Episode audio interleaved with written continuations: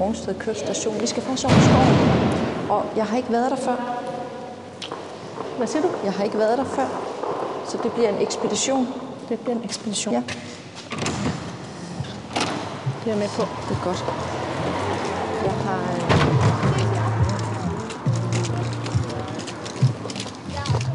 Jeg spurgte en flink dame inde i- på stationen, hvor man skulle gå hen, og hun sagde, at man skal gå herover til det der skilt, hvor der er to mennesker, op til venstre, forbi nogle hus, ned over golfbanen, så er man inde i skoven. Fedt. Ja. Og du skal finde nye ruter, simpelthen? Velkommen til en vandrende podcast om ledelse.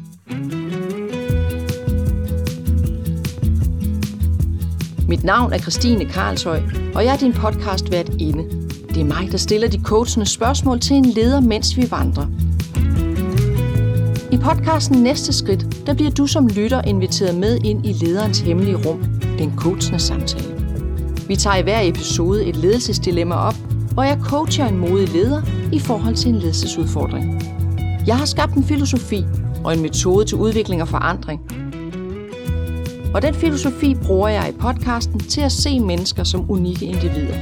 Det sidste spørgsmål i podcasten er altid, hvad er dit næste skridt? Velkommen til. I dag skal det handle om, hvad der sker i os mennesker, når vi arbejder på at fremme forbindelsen mellem hoved og krop. Og jeg har længe været nysgerrig på, hvordan jeg bevidst kan inddrage kroppen mere i mit, mit arbejde med mennesker, der går på arbejde, og hvordan jeg kan koble mine visuelle teknikker med det kropslige. Derfor der har jeg inviteret Sofie Kemp til at vandre en tur med mig. Og emnet er kropslig læring. Og på denne sådan meget lange vandretur, der kommer vi godt omkring emnet. Det du kan tage med dig i dag fra den her podcast, det er blandt andet, i hvor høj grad krop og hoved arbejder sammen, og hvordan. Hvordan du kan inddrage naturen i din ledelse. Hvordan du kan bruge Otto Scharmers teori U som drejebog. Hvad indtryk, udtryk og aftryk kan gøre for din performance. Og sidst men ikke mindst, så er der en guide til, hvordan du finder rundt i Rungsted Hegn, uden at bruge Google Maps ret meget. Nå, men jeg har skrevet alle links og henvisninger i show notes, så du kan tjekke op på det, der fanger din interesse bagefter. Lad os komme afsted på vandretur med Sofie. Og hvorfor lige det her område? Ja, i morgen, der skal jeg... Oh, hvad kommer man til? Ned over golfbanen. Det må vel være her. I morgen skal jeg ud og vandre med øh, to grupper, faktisk to personalegrupper. Øhm, I anledning af, at i denne uge er det mental sundhedsuge. Ja. Jeps. Vi skal ud og vandre og snakke om deres mentale sundhed på arbejdspladsen. Og det er begge to virksomheder, som ligger i Københavnsområdet. ja. Og så tænkte jeg, ej, så skulle jeg finde et sted, som var godt i forhold til, at man har arbejdsplads omkring København. Og så tænkte jeg, Rungsted, der er en stor skov. øh, og det er her. Ja. Så derfor der skal jeg lige ud og lure, hvordan øh, den der skov den ser ud. Og så da vi fandt ud af, at vi skulle gå, så tænkte jeg, hmm, kunne vi, øh, To fluer med et smæk. Øh. Det, det er jeg med på. kunne vi to gå lidt rundt og gå, lidt, gå lidt galt herude? Ja. Det er meget godt. Ja, det er godt. Det fortæller jo en hel masse om dig, at du her eftermiddagen før går ud og finder vejene. Hvad, hvad mener du med det? Sig noget mere om det. Det synes jeg bare er meget godt, og sådan, om den der tillid til det, der er vi. Den der skovvej, den finder jeg lige, den, den skal være. Den, den, den dukker nok op, ja. Ja. Altså, jeg kan se, at der er grønne træer derovre, så Ja, det må er slet lige helt på det. Nej. Vidste du godt, at i Australien, der har de et mentalt sundhedsmåned? Nej. Det hørte jeg i radioen, så tænkte jeg, nå, ja, det er da noget, der kan rykke lidt mere. Måske. Altså, man har jo den 10. oktober, det er jo verdens mentale sundhedsdag, faktisk. Det er ikke bare den danske. Ja, Ja. Ja. Øhm, og så har vi den her sundhedsuge. Men øh, lad os starte med sundhed, Sofie. Øhm, jeg har jo inviteret dig ud på tur i dag.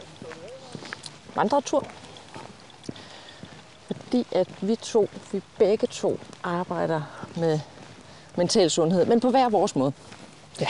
Ja, og derfor der tænker jeg, at det kunne være virkelig interessant, både for os selv og... Okay, nu er vi bare ude på en golfbane, og så går, så går vi bare lige over. Ikke? Hvordan kommer vi til skoven? og så hen. Op langs huset? Ja. Kom her. Kom hen til mig. Ja. Det var fordi, de sagde i caféen, vi bare kunne gå herned og henover.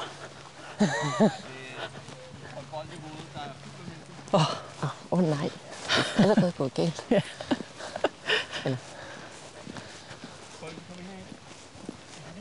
På flagstangen.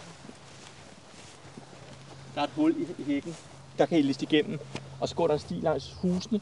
Og så ned ved det hus dernede, så går der en sti på tværs. Altså helt dernede. Ja, så I ikke får bold i hovedet, og så kommer I direkte op til skoven. Det var lige den, vi ledte efter. Ja. Og så de der, hvordan er de så kommet derover? Ja, de går herfra. Det er fordi, de spiller golf. Det gør vi ikke, Sofie. Så må de godt gå henover. Det er en golfbane. Vi, vi er en Ja, anden- ja, men øh, vi vi er spiller også på lidt. Vi ligner ikke nogen, der spiller golf eller? Det er. Så Ja, ja, tak. Tak for hjælpen. Der er simpelthen et hul i hækken, hvor I lige kan gå igennem deroppe. Okay. Vi leder efter... Ja, jeg kan se hullet. Alt er godt. Nå, men vi kom fra det der med, at hvorfor det egentlig er, at vi to vi går rundt på en golfbane i Rungsted. Ja, Føler os meget hjemme. ja vi føler os utrolig meget hjemme, ja. Ja. Jeg satte, øh, jeg satte samtalen op, fordi jeg, nu tager jeg taler ud for mig selv, jeg kunne mærke, at, at det ville være interessant at blive klogere på, hvordan øh, at arbejdet med krop, både i et rum, men også ude i naturen, øh, kan, kan skabe, ja, nu snakker vi lige om en bedre mental sundhed, men også læring og det, at vi tager bedre ledelse af os selv som mennesker. Øhm. Så jeg ved ikke lige, hvor samtalen kommer hen Sofie, lige nu. Men Nej, det ved jeg nej, ikke. ved jeg, jeg tænker, at det, det løser sig. Ja. Hvis vi kan finde vej her, så kan vi også finde vej igennem øh, kroppens ordstrøm. Der er i hvert fald nok at tage fat i. Det er der nemlig. Vi kommer ikke til at løbe tør. Nej, der, der er hullet helt. Der. Bum.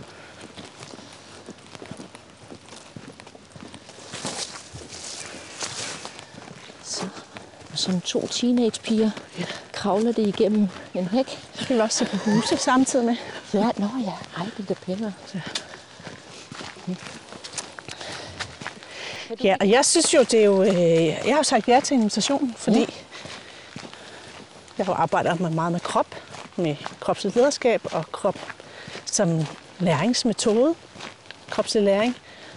Og øh, naturen er virkelig vigtig for mig.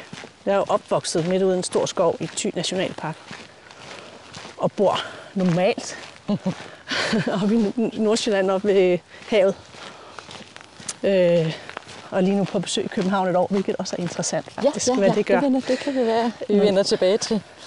Så jeg bruger, jeg bruger naturen rigtig meget selv, men jeg bruger den faktisk ikke så meget i mit arbejde. Mm. Så derfor så synes jeg, det var et spændende mix Ja. at lige øh, gå tur med dig.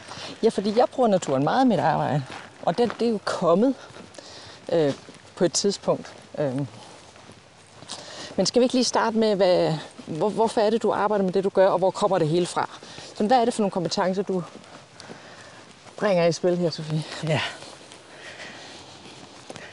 Altså, øh, Ja, det, det er vist faktisk en præsentation af dig. ja. Ja. Altså, jeg har et firma, der hedder Core Energy, som har eksisteret siden 2008, hvor jeg har arbejdet med bæredygtigt arbejdsliv og ledelsesudvikling ud fra et kropsligt læringsafsæt. Og øh, det der krop, det har jeg jo, vi har jo alle sammen en krop, og øhm, for mig har den, den, jeg har altid mærket min krop meget, ikke som sådan en sensitiv ting, men som en, en stabilitet i verden, som jeg bruger, som jeg tager afsæt i, når jeg bevæger mig og løfter og sådan noget. Mm. Øhm, og så kan jeg huske på sygeplejeskolen i tidernes morgen, der, der øh, tænker jeg, det der med hoved og krop og kontekst, det må skulle blandes sammen, for at vi lærer bedst. Så allerede dengang, når vi en gang imellem skulle undervise hinanden, så kan jeg huske at hæve folk op på gulvet, og vi skulle gøre et eller andet, så vi kunne mærke, mm. hvad vi lavede. Og det stemte jo fint overens med sygeplejeuddannelsen, fordi det er jo også det, de meget, det er jo meget af det, der sker også. Dengang i hvert fald. Mm. Øh, Så jeg startede tidligt. Og jeg kan huske med, jeg skulle undervise nogle medicin, nogle læger, tror jeg det var, i plejen til HIV og AIDS. Og der tænkte jeg også, "Nå, vi skal ikke bare sidde og snakke, vi skal også op og bruge kroppen. Mm. Så, så der, det, det er ligesom bare noget, der er kommet til mig. Og så har jeg jo læst videre på RUK, psykologi og voksenpædagogik og kropsterapeut og alt muligt. Så den har ligget i min bagage og så blevet tydeligere og tydeligere. Særligt efter RUK, tror jeg. Jeg tænkte, at jeg må have... Det er det der med hoved og krop, hvordan binder vi det sammen? Og så har jeg nørklet med det. Og eksperimenteret og udviklet undervejs. Fordi dengang, da jeg sagde, at jeg arbejder med kropslig lederskab og læring, Nå, du mener energizer? Nej, lidt mere måske. De lange Nå, energizer. yoga? Ah, heller ikke helt. Nå, så, øhm, så det, det var lige der, før mindfulness begyndte at komme, ikke? Men ah, det er heller ikke lige det. og, sådan noget. og det er jo det, der er svært. Det der med, hvordan fortæller man, mm. hvad krop, lederskab og kropslæring kan og er. Mm. Fordi vi kan ikke forstå det. Mm. Og det er jo det, der er udfordringen. Jeg kunne forestille mig også med natur. Det er jo noget, vi er. Det er noget, vi gør. Det er konkret. Og vi kan ikke, lige så snart vi prøver at forestille os, så bliver det jo en forestillet tanke mm. om noget, der er noget helt andet end det, vi mærker. Mm. Men det er egentlig sjovt, det der med at, at have et afsæt. Jeg, er jeg, er jo, jeg er uddannet design, og, og har det visuelle som mit greb. Så jeg har jo altid udtrykt mig i billeder og fortalt i billeder og, og tænkt, at folk kunne se det samme som mig. Så hver gang vi skulle noget, så, så blev det tegnet eller bygget. Eller, øhm, og, og senere, så kom det der natur på, som, øhm, som sådan en... Det var lidt tåget, der kørte forbi det. Øhm, som sådan en, mm, egentlig mest en praktisk ting, fordi jeg vandrer rigtig meget. Og så efterhånden, så, så kravlede det ind under, og blev ligesom til sådan en del, hvor jeg tænkte, hey, det jeg altid har gjort med det visuelle, det var jo i naturen. Vi bruger naturen. Øh, vi ser naturen. Naturen er bygget op af visuelle budskaber og, og redskaber, som jeg helt naturligt har brugt, bare uden at tænke over det. Så jeg tænker sådan, vi har, vi har nok begge, altså vi har hver vores vej ind i forhold til det her med at op, eller arbejde med, med, med læringen. Ja. Ja. Ja. Mm. Ja, fordi det er jo det, og, jeg kan jo blive udfordret på, det kan du måske også for folk, der siger, "Men hvor har du lært det henne? Ja. Jamen det har jeg lært ved at eksperimentere og gøre og mm. forske i mit eget pra- praksis og med de arbejdsopgaver, jeg har levet af siden 2008. Ja. Som en virkelig teoretiker. ja. Har du en Ph.D. i det? Ja. Siger, jamen, jeg, jeg, jeg, læ- jeg læser en gang imellem, men jeg læser ikke, jeg læser for lidt. Men til gengæld, så er jeg helt vildt eksperimenterende i praksis. Mm. Og det er derfor, jeg har det. Så jeg, er jo, jeg er jo ligesom også gør meget for at få det bredt ud, hvad det, den her kropslige dimension kan. Mm. Både med min podcast, mm. med Kroppen som øre, der handler om det, og også i at dele og skrive og artikler og mm. Har bidraget til nogle forskningsprojekter og sådan noget. Men hvad gør du rent praktisk for at eksperimentere rent kropsligt? Jamen, det gør jeg jo ud fra, når jeg så står i rummet med nogen, eller sidder i rummet med en, mm. så mm, kan der godt nogle gange komme sådan nogle spontane input til at få lyst til et eller andet, eller få en trang til at gøre noget. Mm-hmm. Og så gør jeg det. Mm-hmm. Så går jeg med den. Mm. Fordi jeg ved, der er en masse guld at hente der. Og så går jeg jo med den, og jeg ved jo ikke, hvor den lander hen. Nogle gange har jeg gjort nogle virkelig skøre ting. Kan du give et eksempel på, hvad det der med, hvad er det, du går med?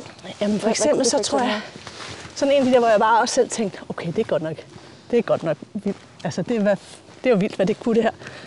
Det var en øh, klient, jeg havde engang, som kom med noget stress og fødselsdepression.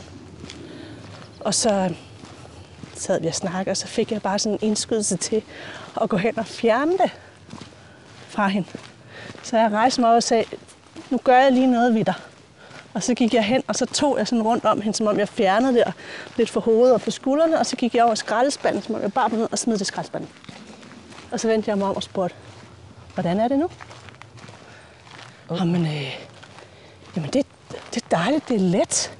Jeg er let nu, og det er ligesom, ligesom om, der er lyst nu. Ligesom om jeg bedre kan se. Wow. Og så kørte visitationen færdig, og så øh, skulle hun, fik hun en opfølgingstid. Og så skrev hun efter et par uger sagde, at det gik rigtig godt. Det behøvede hun faktisk ikke. Og så mødte jeg hende tilfældigt en, en fire måneder efter og spurgte igen, hvordan er det? Mm. Nå, men øh, jeg har det godt. Wow. Og det er jo det der med nogle gange at ture og have tilliden til at mm. lytte til den der fornemmelse af, hvad er det? Mm. Hvad er det, der er? Mm. Nu går jeg med den her, jeg ved egentlig ikke, hvor jeg havner. Mm. Og det er virkelig interessant, fordi altså, du starter med at sige, at du er sygeplejerske, og så tænker jeg, okay, du, du kan noget med, du ved noget om, hvordan at muskler og sener ligger, og hvordan knoglerne de ligger inde i kroppen og sådan nogle ting. Og alligevel så vælger du at tage fat i hendes, hvad kan man sige, aura. Ja, ja. uden at jeg arbejder med aura. Ja, det gør jeg altså jo ikke. helt uden for kroppen. Ja. Ikke? ja. Øh, eller også er det stadigvæk kroppen. Det er jo, altså jeg tror stadig kroppen, jeg tror lidt, ja det er jo aura, det jeg har aldrig tænkt på, det er jo selvfølgelig hendes aura, jeg har fat i der. Men det er mere, og egentlig så er jeg jo faktisk, jeg læner mig meget op af neurofysiologi og neurovidenskab, og, og netop, hvordan er det, hvad sker der, når vi trækker vejret, og hvad, altså på den måde noget, der er meget håndgribeligt og konkret, mm. når jeg arbejder. Mm. Så jeg kan forklare meget af alt, hvorfor er det, vi gør, som vi gør. Hvad er det, det gør? Og samtidig så ved jeg jo godt, at vi er forbundet med noget, der er større end os selv. Og at vi påvirker hinanden hele tiden. Ja. Hele tiden, uden at vi ved det. Det er også derfor, det er så vigtigt og interessant med den krop. Mm-hmm. Og begynde at blive bevidst om, hvad er det? Altså, vi bliver hele tiden påvirket, vi regulerer hele tiden. Så bare blive lidt mere opmærksom på, hvad er det, jeg påvirker med, og hvordan er det, jeg bliver påvirket, giver os et andet handlerum, og en større handlerum, end at vi bare bliver styret af sted med vores hjerne, der siger, sådan og sådan skal du gøre på baggrund af noget, der skete engang. Mm-hmm. Så, så der er så meget at hente, men det ved man jo ikke, før man har prøvet det. Og nu ved jeg jo, at du øh, underviser en del og blandt andet arbejder med ledere og medarbejdere i forhold til, du kalder det embodied leadership, ikke? Jo, ja. og kropslig læring. Og kropslig læring. Ja. Ja, den danske og den engelske version. Du må selv bestemme. Du må selv bestemme, leadership. Ja. Det er bare det samme. Kropsligt lederskab, embodied leadership. Ja. Det kommer an på, hvilken målgruppe det er. Ja, Nå, ja. Nogle steder passer det godt med det engelske, andre steder skal det være det danske. Åh, oh, det er det. Skal jeg lave en markedsføringspodcast også? Ja. ja. Når du sådan får mennesker i stald, hvor de siger, det der, det der lægerskabslæring der med det der krop, det vil jeg gerne. Hvad, hvad er det så, at de siger ja til? Hvad er det, de går i gang med? Hvad er det for en rejse, de starter på? Oh, det er et rigtig godt spørgsmål. Fordi det er jo, øh, det er jo sådan lidt forskelligt, hvad der, hvad der kalder folk ind. Mm. I forhold til kropsligt lederskab, når jeg træner det, så kan det være, der er den målgruppe, der kan mærke, at nu har de bare løbet bagefter, og de er bare så mm. presset, og de er faktisk fedt op af det.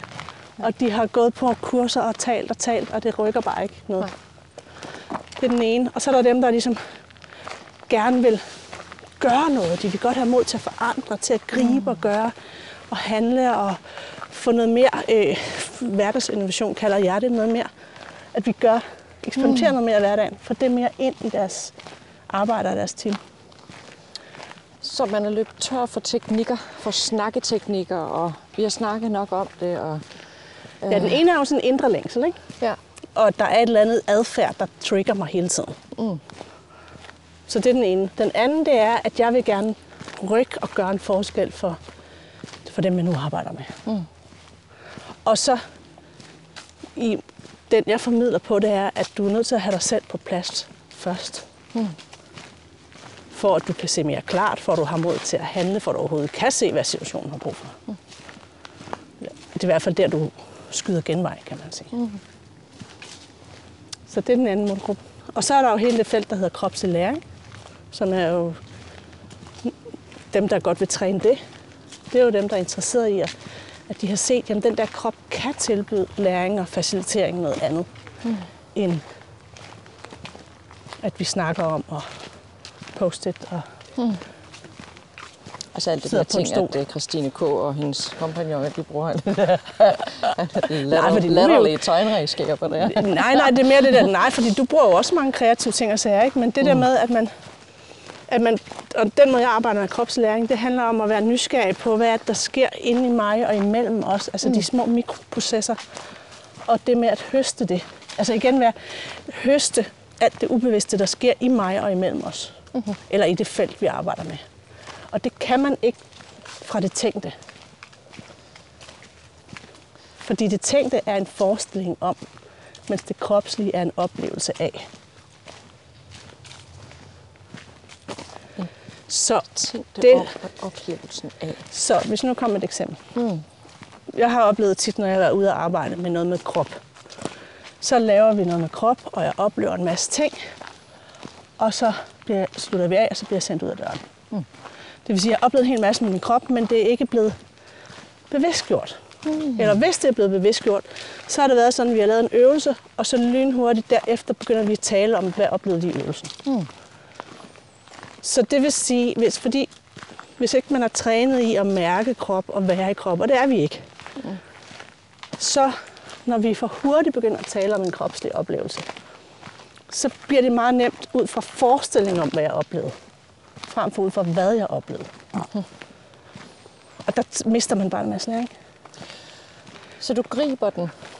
Så jeg har nørklet ind i det der felt, spændingsfelt, der er mellem, jeg oplever noget fra oplevelse til, hvordan får jeg grebet det, jeg har oplevet og mærket, og gjort det konkret i en grad, så det er parat til at blive reflekteret.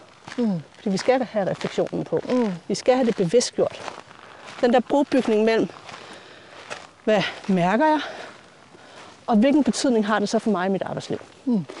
Der, der, man bliver nødt til lige at bygge det, tage det step gennem nogle skridt. Mm-hmm for at få læringen med. Giver det mening? Ja, det gør det. Det Mm. gør det. Øh, Og jeg tænker vel også egentlig, nu ved jeg ikke, om jeg skyder en genvej ind eller noget Ja, ind er her, men jeg tænker jo egentlig også, at når du er ude i naturen, så må det vel også have noget med det at gøre. Ja, og det er jo derfor, jeg synes, det er så interessant også at tale med dig om det her med krop, fordi at jeg har jo i virkelig mange år arbejdet med det visuelle. Og det kan simpelthen så mange at øh, se ting for sig, gøre det til en tegnefilm, øh, øh, få det ud af hovedet og ned på et stykke papir. Men nogle gange, der kunne jeg, kan jeg faktisk mærke, at vi mangler den der med, altså det, det bliver tit sådan en hovedting, Øh, så alt det, der ligesom foregår ved siden af, hvad er det så? Og, og det må være den her kropslige læring. Øhm, derfor, der, jeg startede faktisk på en yogalæreruddannelse. Ja. ja. her i år, fordi ja. jeg, jeg kunne simpelthen mærke, at jeg blev nødt til at have nogle redskaber, så jeg kunne mærke i min krop, hvad det er, det gør ved mig, det der krop. Ja. altså, Den der underlige ting, der der flytter ting, mit der hoved hænger rundt. nede under Ja. mit hoved, ja. ja. Hovedet fungerer, men hvad var det, der skete ja. nede under halsen? Ikke? Fordi jeg kunne se på mange, eller jeg kan se på mange af de deltagere, jeg har, både når vi er ude i naturen, men også når vi er inde i lokale, at der simpelthen er et eller andet, der, der mangler nede i kroppen. Altså, øh, folk kan sidde og smile og sige, jeg har det fint, jeg har det fint. Ikke? Ja, men du er helt stiv i din krop, og dit smil, det hænger ligesom bare med sådan to knappenåle op på, på, på kinderne, ikke? Mener du, at du har det godt, ikke? Altså, er det, er det rart for dig nu, ikke? Det er rart. Men jeg, jeg blev nødt til at have nogle redskaber, derfor startede jeg faktisk på det her. Så det er derfor, jeg lige nu er der enormt nysgerrig på, hvad er det, det her krop kan sammen med vores visualisering. Ja. Altså de to ting sammen. Ja. Hvis vi kan, det er bare en idé her, hvis, hvis man ligesom kan, er, kan blive stærke på begge områder, så kan man jo både kan man sige, få, øh, få mærket fornemmelsen, altså specielt i relationer, som du siger, det der, der er mellem mennesker, den der energi, de der gnister, alle de der ting, altså alt det, der sker mellem to mennesker, med det kropslige, det man mærker. Samtidig med, at man kan udtrykke sig visuelt. Altså, altså Wow. så Det tror kan jeg, noget. at øh, så tror jeg Ja. simpelthen ikke, så kommer vi ikke længere. Nej. Det bliver ikke højere. Nej. Og det er jo, øh, skal jeg nørkle lidt ind i det? Ja. Øh. Ej, jeg, øh, jeg får bare lyst til at koble en lille appendix på noget af det der med at, at bygge bro mellem hoved og krop mm. og dit arbejde i naturen inden. Fordi jeg tænker, når du har folk ude i naturen, så hvis de skal stå og... Nu står vi her, hvor der er virkelig mange flotte høje træer, ikke? skal stå her. Mm. Altså jeg forestiller mig, at I, I snakker ikke hele tiden, når I er derude. Nej. Nej. Nej. Og når I har gået i stillhed, eller når I har siddet i stillhed, så går I vel ikke direkte til hardcore refleksion. Nej, det er, en, det er ligesom sådan et tog, der kører fra station til station. Ja. Et lille skridt ad gangen, ned ad stigen, og et lille skridt op ad stigen. Og det er jo det der med at bygge bro. Mm. Fordi ellers, så, hvis, man, hvis vi står her og snakker, mm. eller sanser fornemmer her, og så går i gang med at snakke om, hvad sanset vi har fornemmet, så vil det blive mere for en forestilling om. Mm. Fordi vi kan ikke nå at følge med. Vi kan ikke nå at mærke det, der er, fordi vi ikke er de færreste er trænet i at mærke kroppen. Mm. Mens det at komme op i tænkningen, det er jo sindssygt trygt. Mm. Det er jo trygt, der er vi jo i kontrol. Mm. Nede i kroppen, der er vi jo i ikke kontrol. Der er jo det, der er. Der sker det, der er. Både i kroppen og i nuet. Ikke? Ja. Så det kræver jo noget mod at få den del med. Ja. Og det kræver noget tid. Ja. Ja. Jeg Og, og det, er jo, det er jo noget, der, der, der strider mod, at vi er i sådan en, en præsent, øh, præstationskultur, hvor vi går, vi tror, vi kan tale om, hvad målet er, før vi overhovedet har undersøgt processen. Ja. Og så gør vi jo bare, som vi plejer. Ja. Vi kan ikke andet. Nej. Så det kræver noget mod at stoppe op og lige være der lidt. Og der kan kroppen en kæmpe hjælp til det. når jeg, øh, jeg laver sådan en to-dages vandretur, kalder den Vision Walk, og der kan jeg simpelthen mærke, at hele den første dag, der går vi tingene af. Altså af, aflader, kaster væk, glemmer det, vi ved i forvejen, glemmer, at vi har travlt, glemmer familien, du ved, slukker telefonen. Simpelthen for at komme helt væk fra alt det der, vi plejer at gøre. Og det tager faktisk en hel dag. Mm. Det er, og jeg kan godt mærke på nogle af deltagerne, de bliver sådan lidt utålmodige i forhold til, hvornår skal vi i gang med at lave noget. Men vi kan ikke lave noget, altså vi kan ikke putte nyt ind, før vi ligesom har nulstillet. Øhm, og det, det tager simpelthen tid. Det tager tid. ja. Ja. Og det kræver mod. Ja, det kræver enormt meget mod, men jeg kan faktisk også se nu, når du siger det, og nu bliver jeg jo allerede klogere på det der med kroppen, at det handler også rigtig meget om, øh, hvor øh, dem, som, dem, som ikke har så god forbindelse til deres krop, der tager det faktisk længere tid. Ja. Altså fordi der skal man først hen og finde ud af, klemmer mine sko, sidder min trøje ordentligt, øh, hvor har jeg lagt min telefon. Øh, Altså alle de der ting der, som bare er sådan noget, der hele tiden foregår. Ikke? Plus, at der kan være nogen, der har en historie med sig. Hvis man, man kan have haft et traume med sig, man kan have haft noget i barndommen, der gør, mm. at det at komme ned i tempo, mm. at slappe af, at der ubevidst trigger det nervesystemet, fordi det bliver angst for at gå i, i den maksimale angsttilstand, som er kollaps. Ja. Så der er jo nogen, hvor man vil prøve at få dem til at ligge og slappe af, hvor de ligger, og de, bliver, de kan nærmest blive fysisk dårlige eller Ja. ja. aggressive, fordi de kæmper imod at komme ned i kollaps. Ja. Og, og det kan man ikke. Man kan ikke. Når man har det, så kan man ikke gå fra den der øh, handletilstand til afslappning. Der bliver man nødt til at gå ind og få starte med åndedrættet og få det aktiveret og få, stabilis- få noget stabilitet i kroppen i nuet. Mm. Sådan at man ikke, det er ikke fortiden, der styrer en, men mm. man kan have et anker i nuet, der, hvorfra man kan rumme den der uro. Mm. Bare sådan en simpel ting som at grounde lige ned. Ja. Det kan for nogen kan det være for voldsomt. Ja, og man kan sige, inden for yogaen, der vil vi sige, det er vores øh, basisøvelse, ikke? Altså man Ja. står som bjerget, tror Ja. jeg nok, vi kalder den, Ja. ikke? Altså det Ja. der med at stå ground, det er bare at stå lige op og ned Ja. og føle jorden under en, ikke? Altså og mærke forbindelsen, ikke? Ja. Men jeg tror heller ikke, du får en, der har sådan noget til, at- til at... Altså, det kan godt være, at de prøver at søge yogauddannelsen for at, at få den der ro med sig. Men, der er, men øh, det er et hårdt arbejde, hvis ikke man har været inde og, og stabilisere noget af det i kroppen, der har der er gået kollaps. Hvad, hvad, hvad tænker du på det? Altså, ja. Ja, nu bevæger vi os lidt ned omkring noget med traume og sådan noget. ja. At der er jo, der er jo forskellige angstreaktioner. Og mm. de fleste taler om ka- kamp, øh, kamp flugt, frys. Ja. Men den ultimative angsttilstand, det er jo kollaps. Mm. At lægge sig død. Det er jo det sidste, musen gør, når den er katten jager den. Ikke? Først så prøver den at flygte måske, så bliver den fanget, og måske det er en mus, der prøver at slå igen. Og det, det lykkes så ikke, og så lægger den sig måske i frys, og så i det øjeblik, katten løfter hovedet og kigger sig omkring, så spurter den afsted. Og det er jo koblet til vores øh, aktivitetsnervesystem. Så får katten fat i musen, og den får lige måske lige byttet lidt hul i pelsen. Så lægger den sig i kollaps. Så den lægger sig død i håb om, at katten mister interessen. Så at puls går ned, hjerteslag går ned, ingen tonus i kroppen. Så det er jo det, der sker, den ultimative angsttilstand. Og der kan det være steder i, nu, nogle gange kan det være hele kroppen, der gør det, når vi virkelig er i traume, der er voldsomt. Mm. Men det kan også være, vi har alle sammen steder i vores krop, hvor der er, hvor der er noget, der har lagt sig dødt. Mm. Som er Så der mindre. Kan være, der kan være et område af kroppen, Der er som faktisk er kroppen. kollapset. Ja. Ah. Altså der er mange, som for eksempel kan have, jeg ser som mange af dem, der jeg kalder forsideaktive, som står lænet lidt ud og suger indtryk til sig. Mm. Øh, og det er sådan, de har lært deres grundadfærd, og at det er sådan, vi er i verden. Og tage vare på alle omkring mig. Mm. Mange af dem kan typisk ikke mærke ryggen.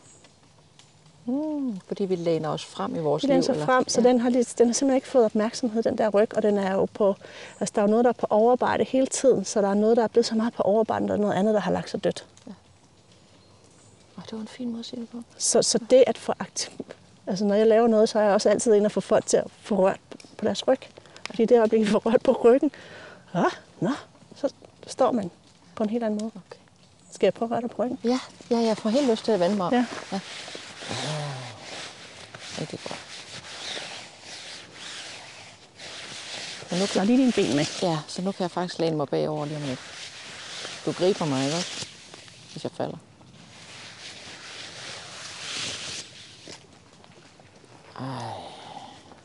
Og så prøv bare lige at stå og lige mærke, nu kan du mærke din ryg, hvordan, altså så, så er det bare anderledes at kigge ud, når vi er nede i de der mikroprocesser. Jeg rykkede mig faktisk to millimeter længere bagud. Så hvis du så holder den opmærksomhed, mens vi går videre, så kan du være lidt... Jeg gjorde det på en gang, hun, så gik hun hjem, og så skrev hun til mig bagefter, ej, jeg har jo bare lagt mærke til så mange detaljer, jeg ikke plejer at lægge mærke til.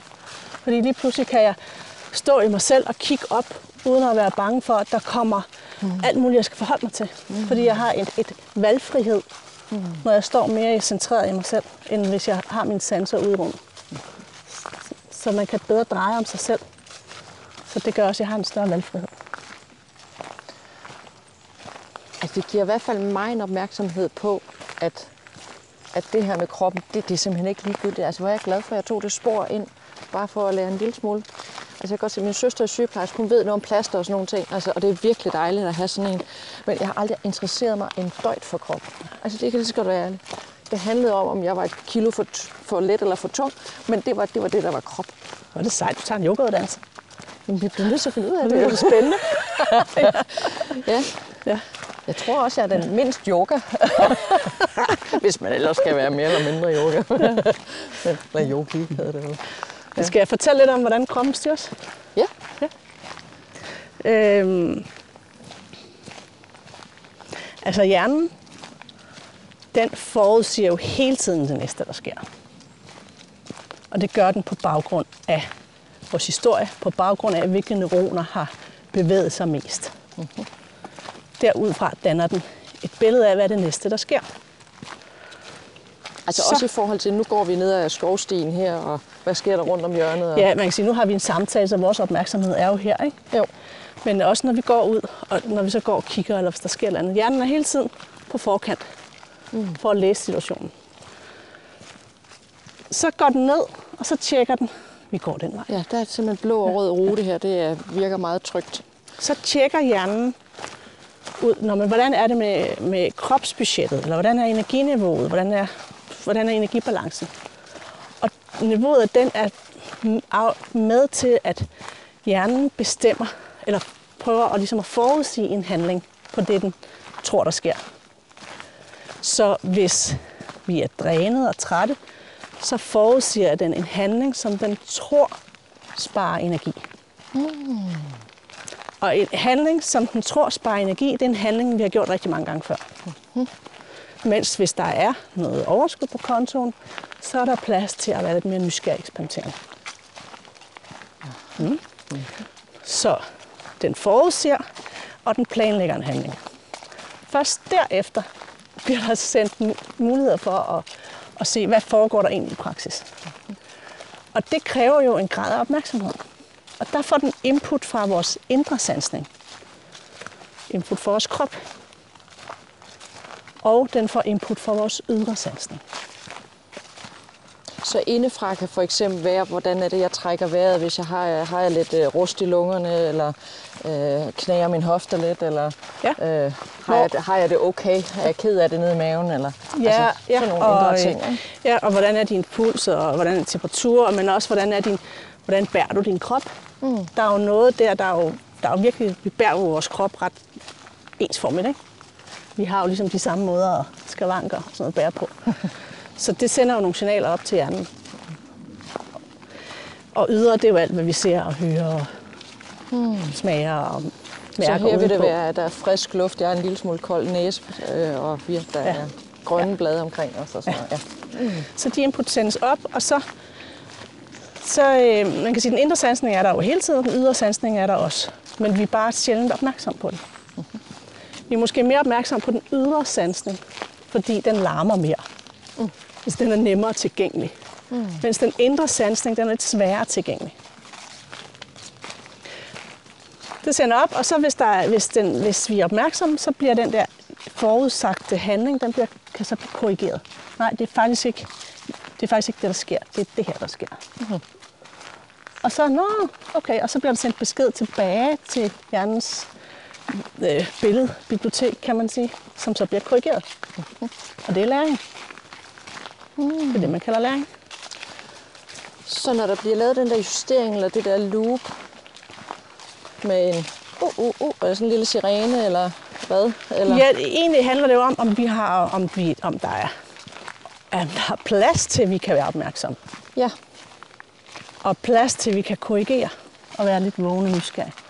Altså, vi kender jo alle sammen det der med at gå den samme vej, og der er noget, vi ikke har lagt mærke til overhovedet. Vi kan jo ikke lægge mærke til det hele, det kan mm. vi jo ikke. Mm.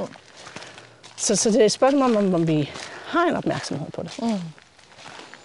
Og, så, og så ud fra det, så bliver der besluttet handlinger. Mm. Men øhm, det, der er ret vildt med den der krop, det er, og nu, altså jeg har ligesom været i gang med at skulle undersøge, hvem filerne er det, der har sagt det, men det er fordi, jeg følger sådan noget online undervisning, hvor de sagde, at, at de der signaler mellem hoved og krop, der går 80 procent af nervesignalerne går fra kroppen til hovedet, og 20 procent den anden vej. 80 procent til hovedet. Okay, så det er...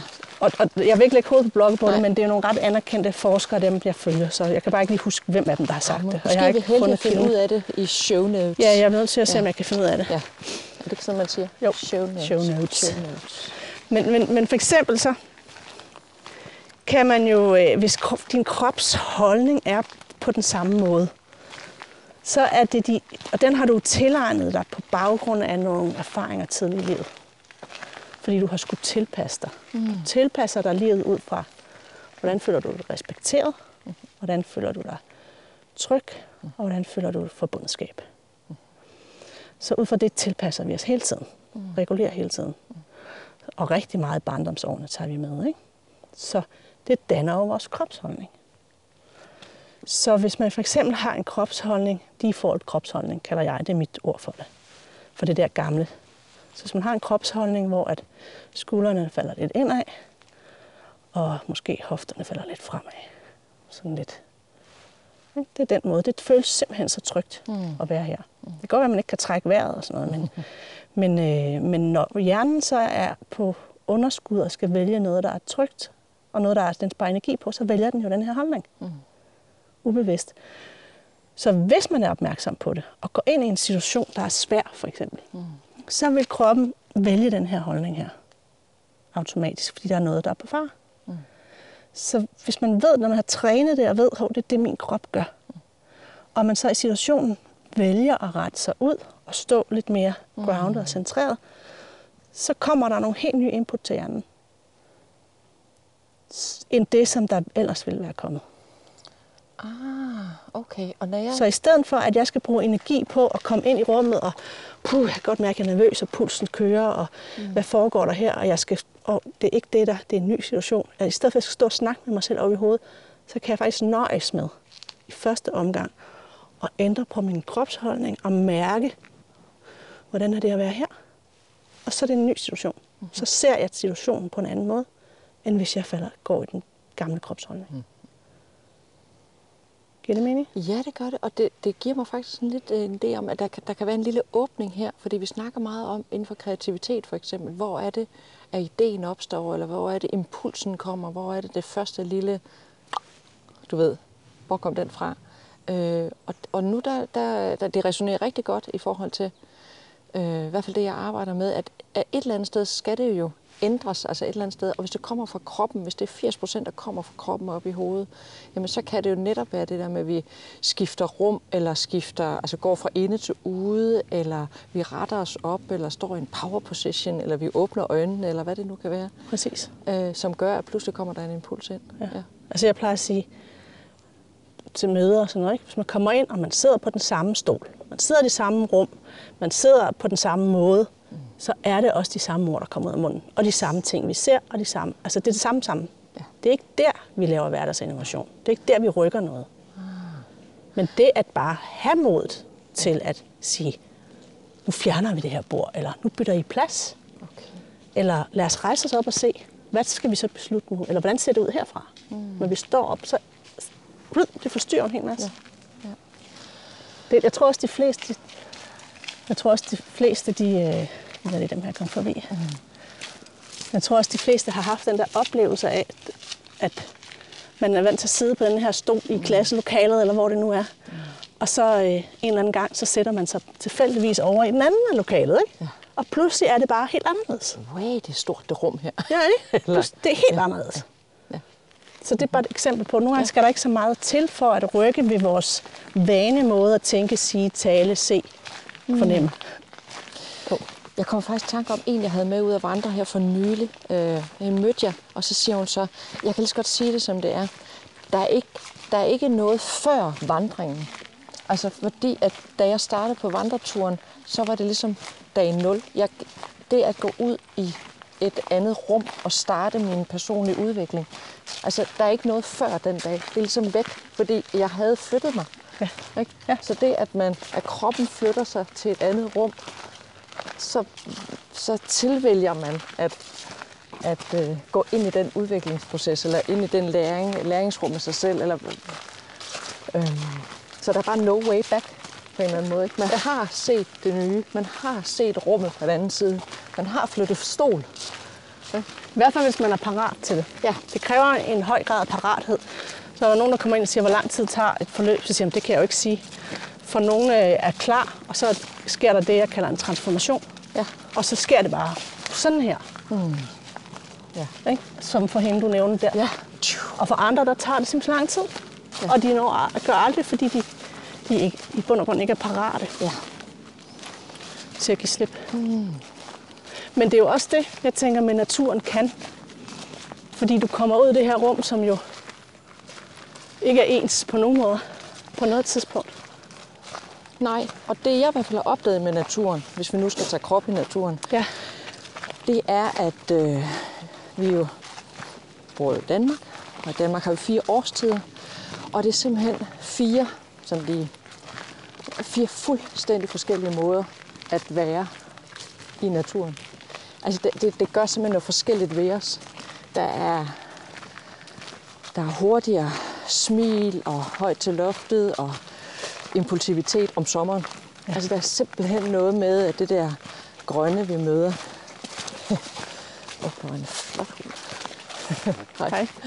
Øh, det der grønne, vi møder, de store åbne vider, øh, højt til himlen, gør, at vi strækker os på en anden måde. Ja. Altså kroppen kan ligesom være der. Hvor vinterens ja, forfald, kølighed, øh, jeg oplever det i hvert fald især, når vi vandrer. Det gør simpelthen noget med kroppen. Der, der er sådan en, en stedighed over det her med at vandre om vinteren. Fordi du øh, er kold, øh, du er nødt til at gå til det næste for at få varmen eller få mad. Eller, øh, så der er, der er sådan et øh, survivor ja. over det der med at være i naturen om vinteren. Ikke? Så det, det er en helt anden, sådan, også lidt mere forårkrøbet. Sådan, Ja, der er jo også noget med, hvis man så sidder og varmer sig lidt mere ikke? om mm. vinteren. Altså den der fordybelse. ja, man kommer og, faktisk tættere og, på og hvile, hinanden. dvalen, altså den der synken ned i. Kunne jeg forestille mig. Øh, ja, det er rigtigt. Altså er det i vinteren. Ja, ja. Der er plads til noget dybere eftertænksomhed i vinteren på en eller anden måde. Vi, øh, vi rykker lidt sammen bussen. Altså, vi, jeg bruger Ja. tit uh, bål, også når vi er ude og vandre, fordi at bål er bare et rigtig godt samlingssted. Øh, men om vinterens bål er bare meget tættere. Du sidder helt tæt på flammen, og du sidder helt tæt på de andre. Ja. Fordi, ja, jeg vi rykker bare sammen, øh, når det bliver koldt, og måske river det lidt, ikke? Men det er jo også, jeg tænker også, det er jo også det, der, altså for at vende tilbage, hvorfor er det, at jeg tænker dit arbejde med Vision Walk i naturen, hvorfor det, og hvorfor naturen kan noget. Det er jo fordi, den netop forstyrrer vores perception. Der kommer nogle nye, vi sanser noget nyt. Der kommer nogle nye indtryk ind. Der er plads til de der mellemrum, hvor vi faktisk stopper op og lige trækker vejret lidt dybere, så vi bliver nærværende. Ja. Så vores vaneadfærd bliver simpelthen forstyrret. Mm. Ved at være ude i skoven, fordi den, det hele tiden er forskelligt. Ikke?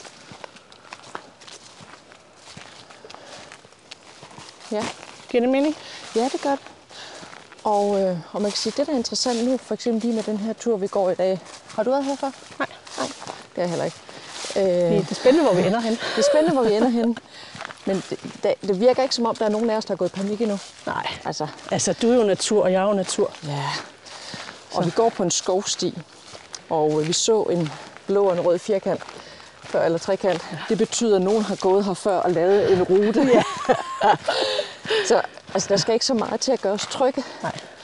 Øhm, så selvom ting er vilde, og man går ude i den, ja, den vilde natur, så, øh, så, så, så bare det at have den der sådan, tryghed, øh, kan gøre, at man kan lidt mere. Altså jeg kan i hvert fald se mere mod ved mine deltagere, når de ved, at jeg er der.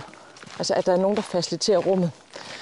At der er nogen, der ligesom har en kasket eller holder mig. Jeg tror, jeg sagde det også før, da du øh, mærkede min ryg. Altså der kunne jeg allerede, bare det du mærkede på min ryg, eller jeg strøg ned over min ryg, så, så havde jeg sådan, så kunne jeg mærke, at jeg sådan, øh, jeg var lige ved at falde baglæns, og så tænkte jeg, hun skal holde mig, fordi jeg kan jo godt risikere at falde.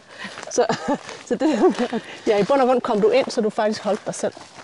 Ja, men, men det jeg følte, det var, at det er godt, du står der, fordi hvis jeg falder, så griber du mig. Ja. Altså den tryghed, at, at du faciliterede min, mit kropsrum der, og jeg vidste, at du ville gribe mig, hvis jeg faldt. Hvilket ikke var nødvendigt, men ja. Ja. ja. Den, den rolle tænker jeg, at vi tager på os. Ja, som, ja, som øh, guides eller facilitatorer. Ja, som facilitatorer. ikke? Og det er jo befriende. Altså, det kender jeg da selv, når jeg går på kurser, og jeg ikke har den. Ej, men det er jo det fedeste. Helt klart, ikke? Ja. Og bare kunne læne sig tilbage og lade sig føre. Ja, hvis der er nogen, der kan anbefale et øh, kursus til Sofie og Christine, så skal I endelig sige til, at vi er meget modne Ja. og modige. Ja. vi vil gerne facilitere os. Ja. Altså, jeg er jo med i en kvindegruppe, så der bliver jeg jo faciliteret hver 14. dag, medmindre jeg selv faciliterer. Aha. Så det er jo dejligt. Altså sådan en netværksting? Nej. Nej. Sådan en, en, en eksistentiel ting, vel? Det der Ja. med at være et kvindenetværk, fællesskab. Må jeg lige spørge ind til to minutter? Ja da. Ja. Fordi at, øhm, for hvorfor, hvorfor, hvorfor det?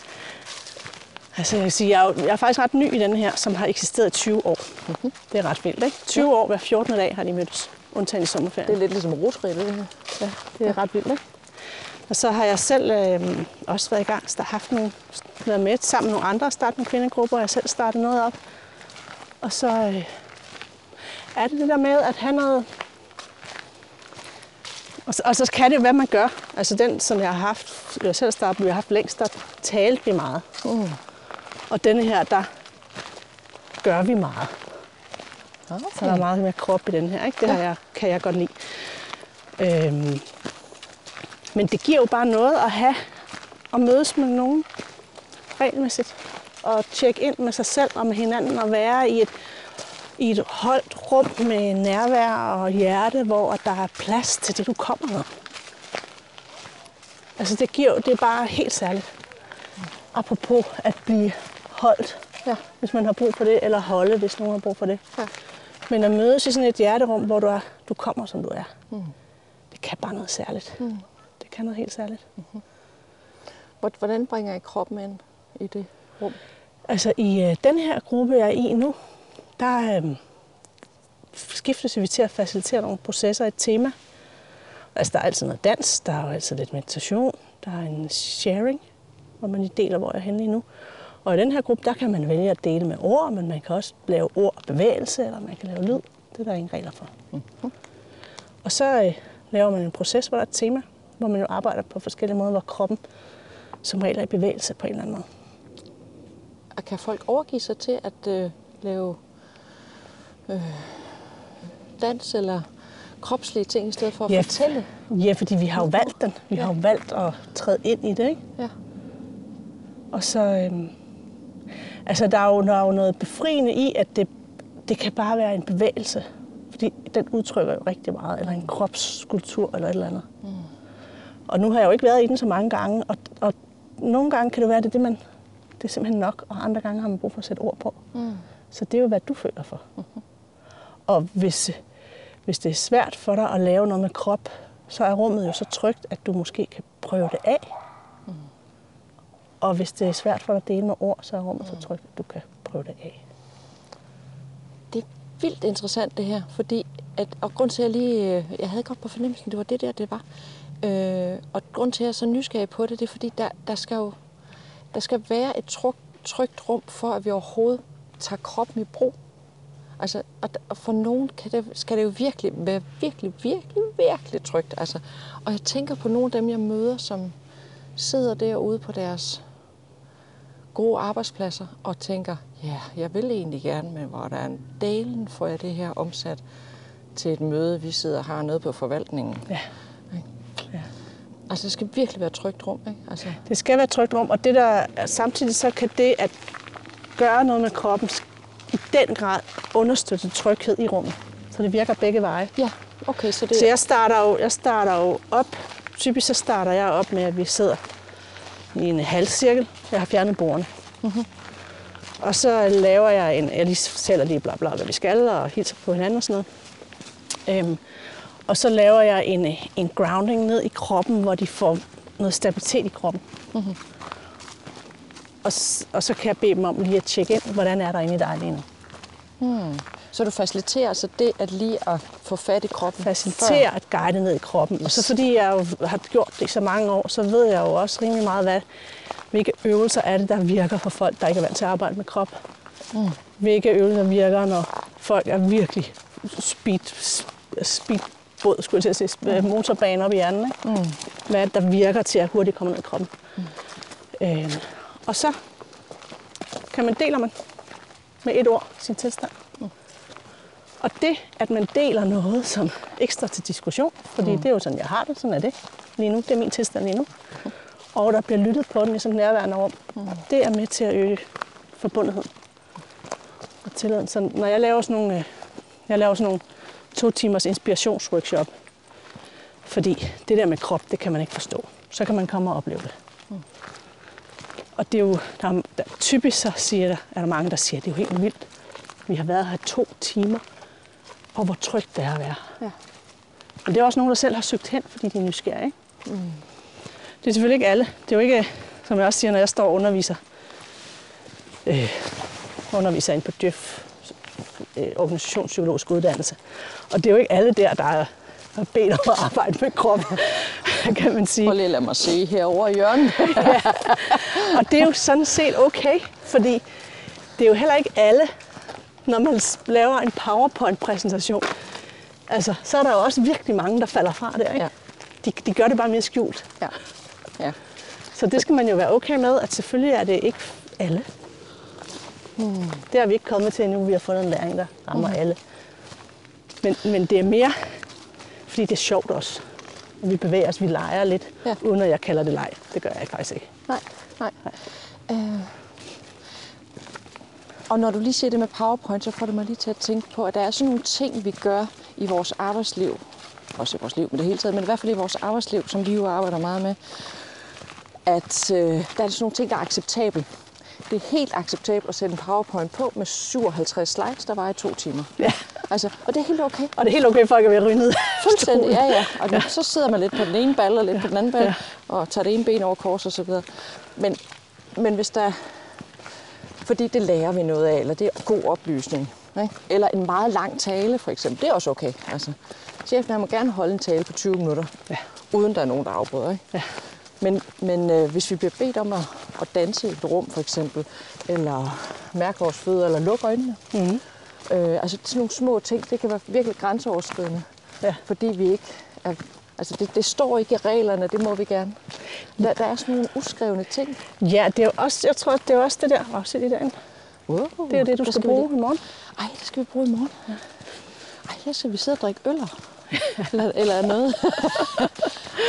Vigtig teambuilding-dag. Ja, det er jeg Men sikker altså på. det der, det, det, og noget af det, jeg tror, det skyldes, det er jo stadig, altså dels det, at vi er så presset, som vi er i dag. Mm. Og derfor så vælger hjernen at gøre det, der føles mm. me, øh, mest energisparende, og det er at gøre, som vi plejer. Mm. Og det er at blive ved med at sidde på den samme plads. Mm. Eller sætte den samme powerpoint på. Mm. Men der er også det, at når vi rejser os op, så kan vi jo ikke skjule os. Så, stå- så er vi der med hele os mm. i spil. Og det er jo, kan være sindssygt sårbart. Ja. At stå der. Ja. Det er også derfor, altså når jeg, når jeg er ude, så bruger jeg jo min egen krop helt vildt meget. Mm. Fordi jeg bliver nødt til at vise vejen. Jeg bliver nødt til at gå ud og gøre det større, for, uden at det bliver et cirkusshow, men jeg bliver nødt til at gøre det større for at få folk til at, Gør lidt. gøre lidt. Ja, så du skal gøre meget, for de gør lidt. Ja. Og vise vejen. Ja. og have noget lethed med. Og hvis jeg ikke selv er til stede i min egen krop, mm. så forget it, så kan jeg jo ikke få dem, der er nervøse med.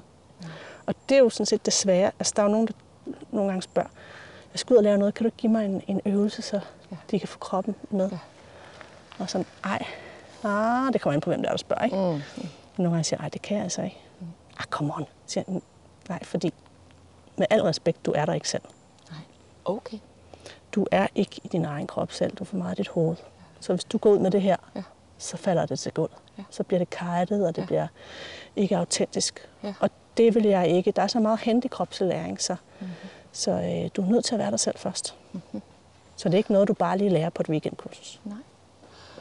Og det er lige før, det taler fuldstændig ind i hele det der kæmpe område, når man snakker. Du sagde, du ikke brugte så meget teori, men der er jo et kæmpe teoretisk område omkring autenticitet og øh, autentisk ledelse, og altså det at, at være den, vi er, gøre det, vi siger. Øh, og derefter kan vi være kan vi lede andre, ikke? Altså lede og motivere, ikke? Ja. Mm, mm. Og det er jo igen, du er nødt til at, altså, du kan ikke læse din bog, du kan ikke forstå det, du kan ikke Nej. tale om det, du er nødt til at komme ned i kroppen og mærke det og være det og gøre det. Mm. Så kommer autenticiteten af sig selv. Mm. Ja, fordi hvem er det, der leder rummet, kan man sige? Altså, hvad er det... Ej, jeg kom lige til at tænke på her den anden dag, der var jeg ude sammen med en gruppe, og så var der en leder med. Øh, det, det var sådan en udendørs ting, og var noget med noget bål, og de skulle lave noget teambuilding. Og, så, øh, og, og jeg kunne godt se, hvem det var, der var lederen, fordi han stod med et stykke papir i hånden. Sådan et øh, plastisk med et stykke papir, og der stod alle navnene på dem, der var med. Ikke? Og så da vi skulle til at gå i gang, så siger han, at jeg står bare herovre og kigger på. Ah, så jeg, det tror jeg ikke, du kan. Vi er alle sammen med her, ikke? Og kom nu, og vi tør godt, og da, da. vi skal bare lige, og måske brænde nogle fingrene, og bare, ikke?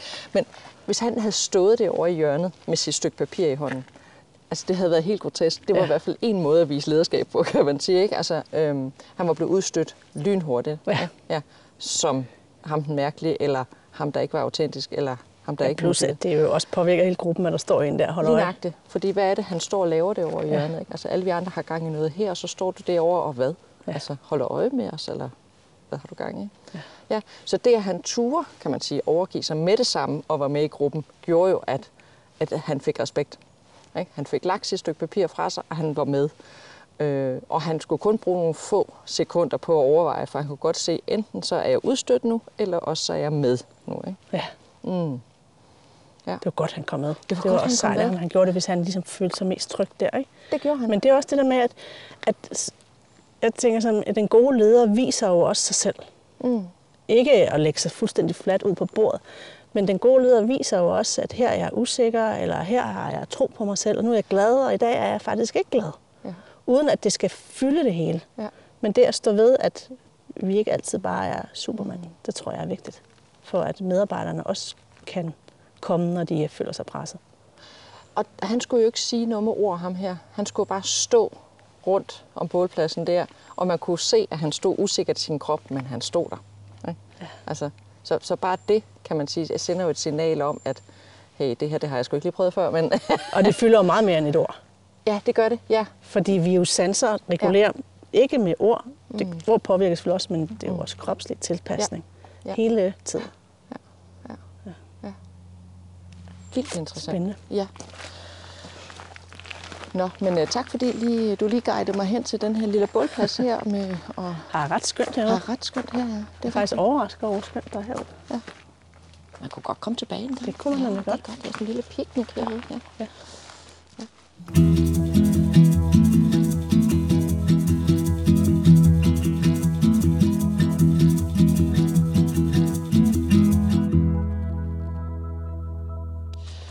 Jeg har lyst til at fortælle lidt om en teori, og jeg tror faktisk godt, du kender den, men lad nu det ligge.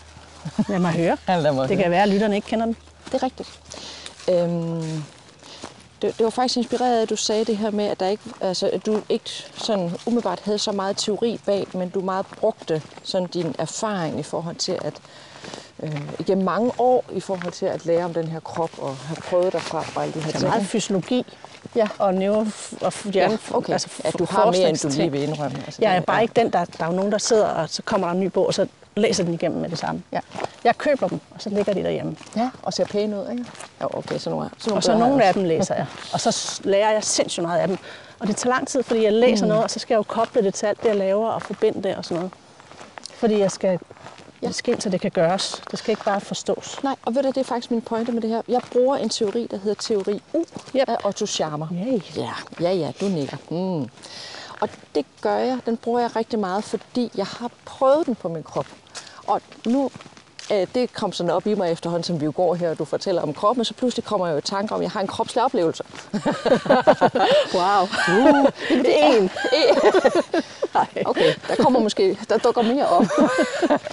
Skal vi tage rundt en gang til, så kan det være, jeg virkelig mærker.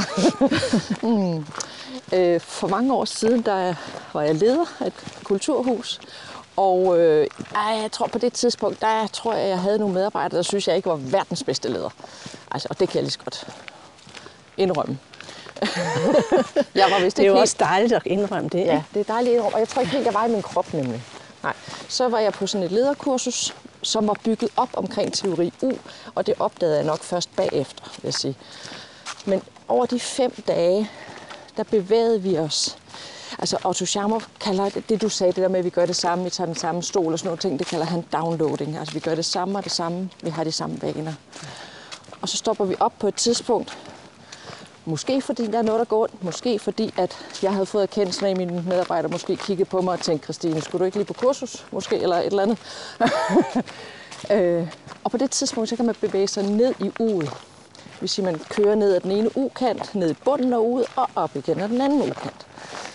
Og hele vejen ned i uget, ned i bunden og op igen, det brugte vi de her fem dage på. Og, øh, og det var sådan en meget kropslig oplevelse faktisk. Og det var altså, for det første var et pissegodt kursus, men det var også det der med, at jeg faktisk var. Jeg tog mit, mit, lagde mit hoved på hylden og var i min krop i fem dage. Det, det, det kan jeg i hvert fald, det kan jeg jo se eller høre eller mærke nu, når vi nu taler om det her med kropslig læring, at jeg lærte faktisk teorien, det at ved selv at være i den. Øh, at de første to dage brugte vi på at kaste ting ud af vinduet. Glemme det, vi havde lært. Aflære. Øh, være, blive opmærksom på ting, som vi kunne og ikke kunne. Øh, øh, ja, kaste hverdagen væk. Og så den tredje dag, der var vi faktisk uden skov. Ja. Og sov ude i skoven. Og var helt alene og stille. Og tænksom og reflektiv. Og, øh, og fjerde og femte dagen, der, der begyndte vi at arbejde op igen og putte på, okay. Ja, og krystallisere. Ja, og det begyndte sådan at sidde i kroppen, og hmm, måske kunne jeg godt tænke mig, eller nej, den skal drejes anderledes. Og, og lige nu, mens vi går her, der kommer jeg faktisk tanke om, at på den tur, på vej op ad uget de dage der, der fandt jeg min farve. Jeg har sådan en orange farve, jeg bruger i mit logo, og den kom faktisk på fjerde dag. Ja. Der. Og det var, det var en kropslig fornemmelse, når jeg sådan virkelig tænker efter. Det var ikke Nu er jeg jo visuelt, så derfor skulle jeg jo finde en farve. altså, jeg ser det hele i farver. Men, men den, den sidder faktisk i min krop, og den sidder hernede i maven. Altså, der sidder sådan en orange bold. Ja. Det var det, jeg så den og tog den ud og ligesom holdt den i min hånd. Og sagde, der var den, den der. Ja. Og det, du fortæller der, det er, at det kursus der, det husker du, Det husker jeg. fordi du har lært med din krop. Ja. Det er det, kroppen også kan. Den får os til at huske bedre. Ja. Fordi den aktiverer vores gamle historie og bevæger den. Fordi vi bevæger os også. Så oplevelsen sker- sætter sig i kroppen simpelthen. Ja. Nu skal jeg bare lige høre, nu larmer det helt vildt dernede, og der er en vej.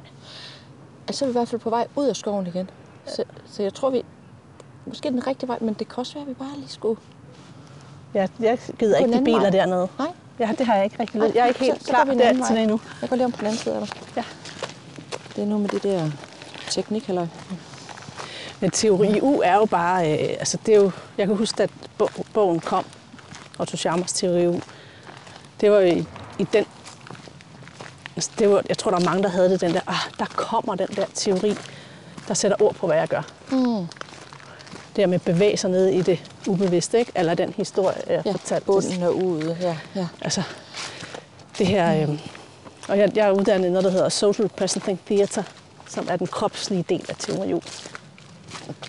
Så det bruger jeg jo meget det, jeg laver også. Du er så meget klogere i dag. Ja. Så, så, øh, men er det ikke også noget af det, du bruger, når du laver dine, dine øh, aktiviteter herude? Altså, Uden at- hemmeligheden bag, det er det, vi er nødt til nu, ikke? Ja, hemmeligheden bag alle mine vandringer er bygget op omkring teori U. Ja. Det er simpelthen en øh, lang U-rejse. Om det så er en dag, to dage, fem dage, det er lige meget. Altså det er samme tur gennem øh, møllen, hvad jeg vil sige. Ja. Øhm, eller ud af det jo. Fordi, og det jeg rigtig godt kan lide ved den teori, det er, at, at øh, vi bliver nødt til at forholde os til, at vi skal fjerne ting, komme helt ind, mærke, hvor vi så end mærker derhen, kroppen, hovedet, sjælen, eller mærke ingenting, øh, og for at kunne komme op igen. Ja. Altså vi kan ikke finde på en ny idé, hvis vi ikke kaster noget andet væk, eller stiller os et andet sted. Ja, eller i hvert fald kan formå at, at give slip på det. Ja, Og komme ind i nuet, ikke? mm. Ja. Og det er jo ikke lige. Det er jo ikke bare lige.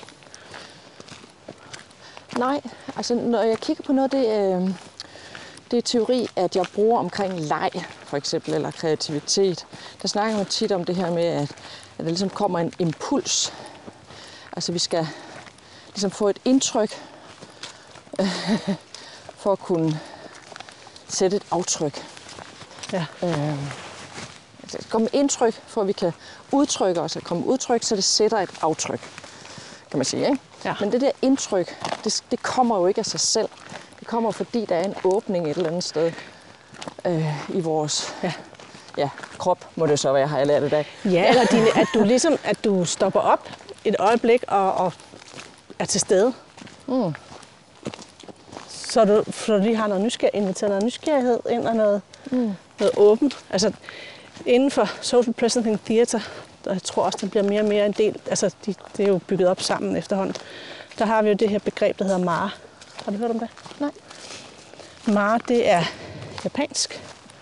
Og øh, mennesker uden Mara, eller verden uden mennesker uden Mara, det er jo sådan uintelligente mennesker.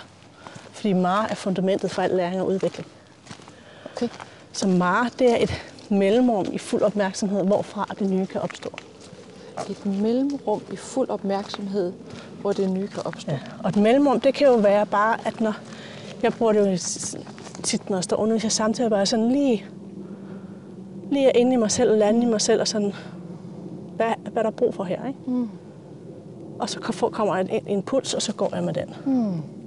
Men det kan jo også være længere tid. Altså, du er jo du er jo ude i skoven med dem to dage, mm. hvor du også holder dem i meget et længere stykke tid. Ja, Altså, du bruger jo meget i bunden af ud, der hvor du virkelig lader komme. ja, ja.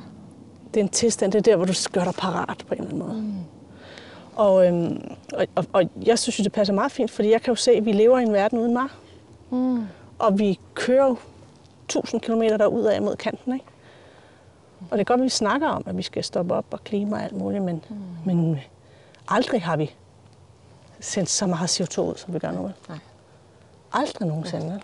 Og tænk, det er naboen. Naboen skal gøre noget ved det. Ja, jeg skal, skal skal jeg, skal jeg ændre affald der. Eller ja, eller skal jeg ændre mine Ja, venner. Nej, nej, nej, nej. Hvad skal jeg ikke på ferie i år? Skal jeg ikke flyve til? Skal jeg på en Ja. anden slags ferie? Ja, skal jeg have min bil, ting, det kan jeg godt sige dig. Ja. Men, øh, men, men det er mere det, der vi bliver, det er jo, øh, altså der er nødt til at være et eller andet, der stopper os op. Og det er jo det, du også gør med dem, de folk, du har ude i skoven, fordi du inviterer dem ind i et nedbundet ud og bruger mig dernede. Okay, det var et øh, nyt begreb. Det kan man arbejde med at lære rigtig meget ved også at bruge kroppen. Hvor- hvor- Hvordan ligger begrebet mare i forhold til, til sådan hele yogatraditionen i forhold til meditation? Altså, jeg er jo ikke så meget inde i yogafilosofien. Nå, okay. Jeg jeg har selv en anden, øh, trænet og lavet yoga, siden jeg var et par 20, men jeg er ikke inde i yogafilosofien. Nej, godt. Jeg finder en yogadems. Ja. Øh, ja. Altså, det er jo japansk. Yogi. Det er japansk. Ja. Øh, og jeg har det jo fra Awana, som jo er hende, der har udviklet Social Present Theater. Det er derfor, jeg har. Okay. Og jeg bruger Der er- det rigtig meget. Altså, okay, og, og, jeg, og jeg skal have dig til at putte, lige skrive det der, sådan, så jeg også kan putte det show notes. Yeah. Altså, jeg er ret vild med det der ord, ja. show, notes. show notes. Ja. Det kan noget. Ja.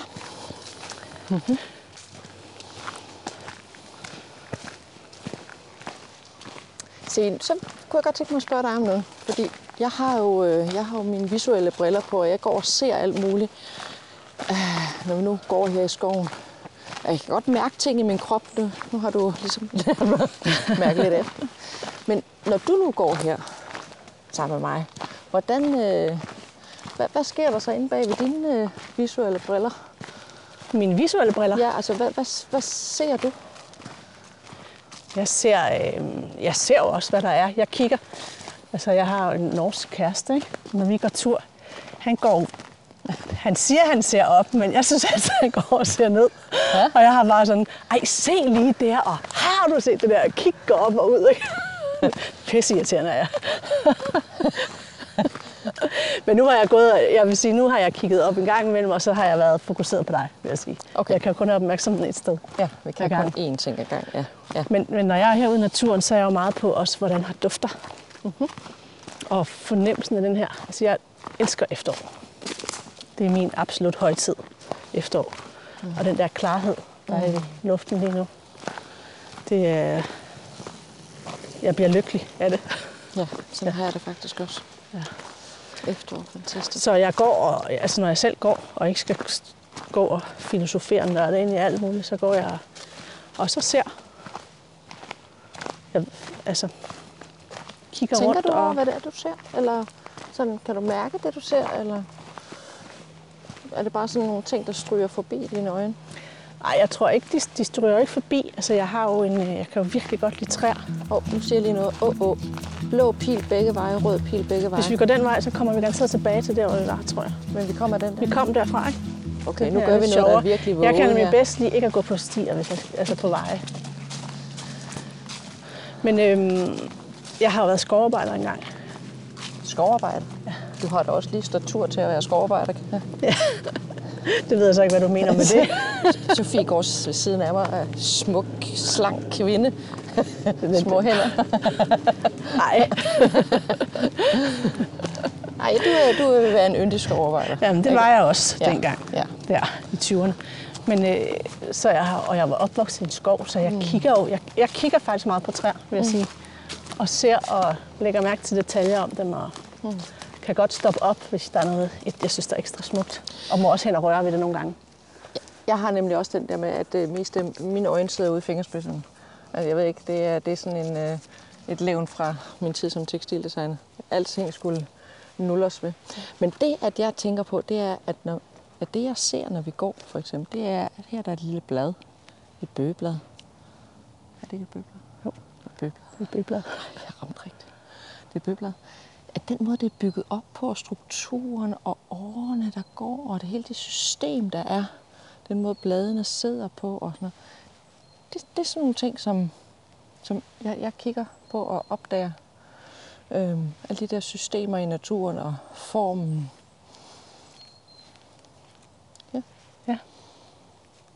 Der er også nogle, nogle noget, der kalder på ens opmærksomhed. Ikke? Mm. Der er nogle blade, der er ekstra flotte, som kalder på en. Ja. Ja. Så må man lige hen. Sådan, men, altså, jeg kan virkelig godt lide stammer og kroner. Stammer og kroner. Ja. Jeg har rejst rundt i verden, så jeg, altså, jeg har så mange billeder af træer. Alle mulige steder. Dengang jeg rejste rundt, ikke? Da Jeg var yngre. Jeg har sådan en fetish for bjerge. Altså jeg er sådan en, der kan blive bjergtaget. Jeg er sådan helt sådan, nej, der er en bakketop. uh, skal vi bestige den? Men der er også noget ved at bestige eller gå op af, det er det der med, at du kan mærke, hvordan din krop arbejder. Mm. Altså det er jo der, hvis jeg går op ad en stejl bakke, og kan virkelig godt også lide at løbe op, fordi så kan jeg rigtig mærke, hvordan det fungerer. Ja. Kæmpe forskel på at gå op og gå ned. Ja. Ja, det, det, er meget federe at gå op. siger det der med, med forside og bagside. Altså man bruger jo forsiden meget mere, når man går op, og bagsiden, når man går ned.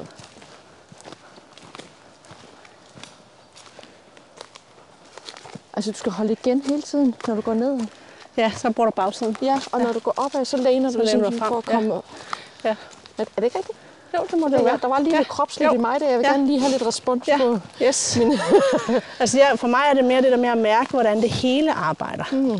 Jeg godt kan lide. Og, altså det er jo også jeg, altså noget, jeg virkelig godt kan lide stadigvæk, og jeg elskede, da jeg var barn og ung, det var jo at læse møg. Og lidt smøg. Og læse møg, fordi det der med at jeg virkelig stå og ned i benene og mærke og løfte. Jeg bruger benene og ryggen og armen. Jeg bruger det hele, og jeg kan mærke det, mens jeg gør det. Altså, det synes jeg er mega fedt. Det er sjovt, det kan jeg faktisk også godt lide. Og mærker du også det, der, hvordan kroppen arbejder? Ja, det gør jeg faktisk, ja. Det er sjovt, fordi min datter er hestepige, og, øh, og det er ikke fordi, at jeg egentlig holder så meget af at ride særlig meget. Men det der med at, at må ud eller ja. læse det der møg, ja, det er faktisk det, jeg... Ja, ikke? Eller flæk brænde. Ja. Eller for den sags skyld, gå med motorsav. Og det er noget med nogle maskiner, og der kan man få sat et ben af. Det er ikke mig. Nej, det... Det kan jeg så godt lide. Okay, den får du. De må også godt larme lidt. Ja. Nå, det er meget spændende, hvor vi kommer hen Jeg skulle til at sige, at du har ført os ind i troldeskoven. Øh, stien bliver smallere og smallere. Og det gør noget ved vores krop også. Ja, altså jeg, jeg, kan bedst, jeg går tit væk fra stien og ind imellem. Man kommer tættere på Okay. træerne. Ja. Jeg synes også, man slapper lidt mere af. Altså, det gør jeg i hvert fald. Mm. Nogle gør nok ikke, fordi der er det at gå på en vej og en sti er trygt. Ikke? Mm. Men, øh, jeg kan godt lide det.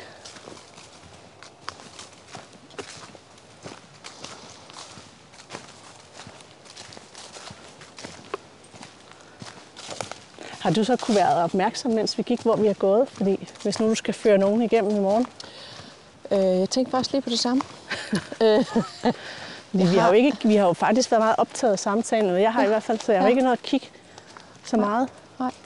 Altså her er ført øh, utrolig fint. Ja.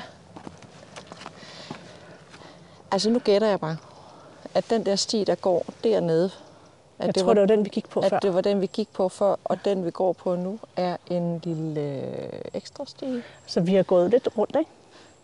Vi er gået over fra golfbanen op ad vejen til højre. Og så var der det der sted, hvor vi gik herned. Der gik vi også til højre. Så der kom vi op til vejen, og hvis vi var gået op til vejen, var vi gået tilbage igen. Ja. Så nu er vi på vej tilbage. Så på et eller andet tidspunkt skal vi til venstre. Ja, så stod vi på den der sti. Så stod vi på den der, og så skal vi til venstre. Ja. Prøv, prøv at spørge, om jeg ved, hvor vi er henne. Ja, det er godt. Ja. Det er godt klart. bliver glad for mig i morgen. Jeg kan allerede mærke det. Ja. Altså for eksempel sådan noget der, ikke? Nu står vi og kigger på et, et træ, hvor kronen må være faldet af, eller, eller, den, eller den har snoet sig udenom, fordi den ikke kan komme op igennem. Ja, de andre træer har Eller ligesom også har den været, det kan også godt være, at den har været brækket af, ikke? Ja. Men det ser jo fantastisk ud, hvordan den står der sådan lidt sådan sådan en vand, vandære, eller hvad kan man sige? Eller? Ja, den er ikke helt så, vel, ikke helt så fin som de andre formet, men den er meget interessant. Det der, der er lidt anderledes. Ikke? Man kan godt få lov lyst til at sætte sig helt derop. Ja. Ej, vil du ikke lige tage et billede af det der træ? Jo, det vil jeg godt. Du løftede lige sløret for Ja. i introen, at du faktisk lige er blevet udstationeret i Storbyen. Ja, Ja. altså jeg er jo til i altså februar, jeg har boet der et stykke tid, der øh, flyttede jeg til København et år for sjov. Ja. For at ryste vaner og øh, komme lidt ud af den der corona boblevane, der var blevet skabt. Og også bare for at, ja, bare for lige at prøve noget nyt, sådan set. Det tror jeg sundt en gang imellem. Jeg har boet op i Gysekilde, en økologisk landsby, i 12 år, så jeg trængte lige til, at der skulle ske noget andet. Og, og det, der er interessant ved at komme til byen, som jeg lægger mærke til, for det første, så er det der med at cykle rundt. Mm. Det er jo virkelig dejligt. Det her med, hvordan kroppen husker, fordi jeg kan cykle ned ad nogle gader, som jeg... Og så kommer der pludselig alle mulige minder og erindringer op fra jeg, et eller andet, jeg gjorde der engang. Så jeg har virkelig været tilbage i min tid. Back og, memory og mærke, mærke og se ja. det der. Og genkalde, ikke? så opstår det jo som sådan en film. Hele tredimensionelle film nærmest i mig. Så det har været virkelig interessant. Men noget af det, som øh, jeg synes også der er interessant, det er, at inde i København, der forsvinder tiden. Mhm. Min tidsfornemmelse er altså fuldstændig væk. Åh, prøv at sige noget mere om det. Så der, derhjemme, der, øh, jeg har nogle forældre, der bor oppe i Thy, og dem ringer jeg, ringede jeg så til hver eller hver anden dag. Lige for at sige hej og sådan noget og snakke lidt. Inde i København, der kan der gå 5-6 dage, uden at jeg opdager det. Hvor jeg ikke får ringet, og jeg kan ikke huske, hvornår jeg sidst ringede til dem. Når jeg sidder og, og altså arbejder, så tiden, altså den der fornemmelse af tid og døgn, er bare væk. Men tror du, det har noget med København eller byen at gøre, eller er det det, at du pludselig, eller er det, at du laver nogle nye vaner, eller er kommet en ny kontekst eller Jeg ramme? tror, det er helt klart noget med byen at gøre. det er noget med byen at gøre. Altså selvom jeg har en altan, så er det ikke det samme derhjemme. Der går jeg ud og står i luften, og jeg går ud og lige går lige op og afleverer skraldespanden, eller Ja. er ude sådan lige hurtigt ind og ud. Meget mere, end jeg er i København, mm-hmm. selvom jeg cykler i København. Ja. Øh, og så er der jo lyst hele tiden. Mm. Og jeg kan hele tiden gå ud og købe noget. Ja. Alt er til rådighed hele tiden. Mm. Øh, så jeg tror, det har noget med det at gøre. Så tidsfornemmelsen bliver også ligesom en anden. Den bliver sløret. Den bliver sløret, ja. Og selvom når jeg går, nu, nu bor jeg så, jeg kan gå nede ved, ved søerne, nede ved Vesterbro og rundt, hvor der er sådan lidt ala natur, ikke? Og over på assistentskirkegården og sådan noget. Men der, der jeg kan godt lide at gå ned ved vandet. Så, og der holder jeg jo virkelig øje med, hvordan træerne og planterne forandrer sig for at følge årstiden. Mm. Men den er jo også væk, min fornemmelse af årstid. Mm. Det er helt Ja, fordi forstyrret. bladet bliver faret væk fra, fra fortoget. Og, Ja, fordi det er så let, ikke? Fordi ja. der er hele tiden, altså, ja. Altså, jeg synes bare, det er interessant. Jeg kan godt forstå, hvis folk i byerne bliver mere stresset. Det kan jeg altså godt. Fordi ja. De der mellemrum, som det giver at være ude i naturen, er noget, man virkelig bevidst skal vælge til. ja. Så når jeg for eksempel har haft øh, klienter med stress og sådan noget, jeg har arbejdet med, så mm. er der jo nogen, der har det der med, at når de går ud i naturen, så sanser de den. Og sådan, ah, hvor er det dejligt, ikke? Og det kan jo være et rigtig godt parameter for at se, hvor presset er jeg. Mm.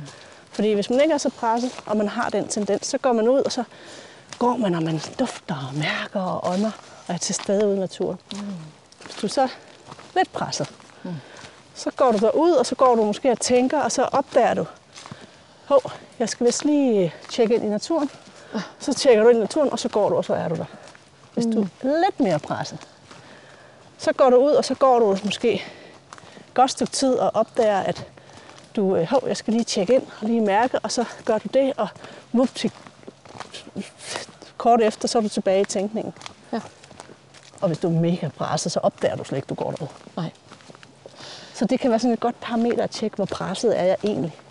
Formår jeg at tjekke ud og være til stede her, hvor jeg er, eller ryger jeg, hvor hurtigt ryger jeg tilbage.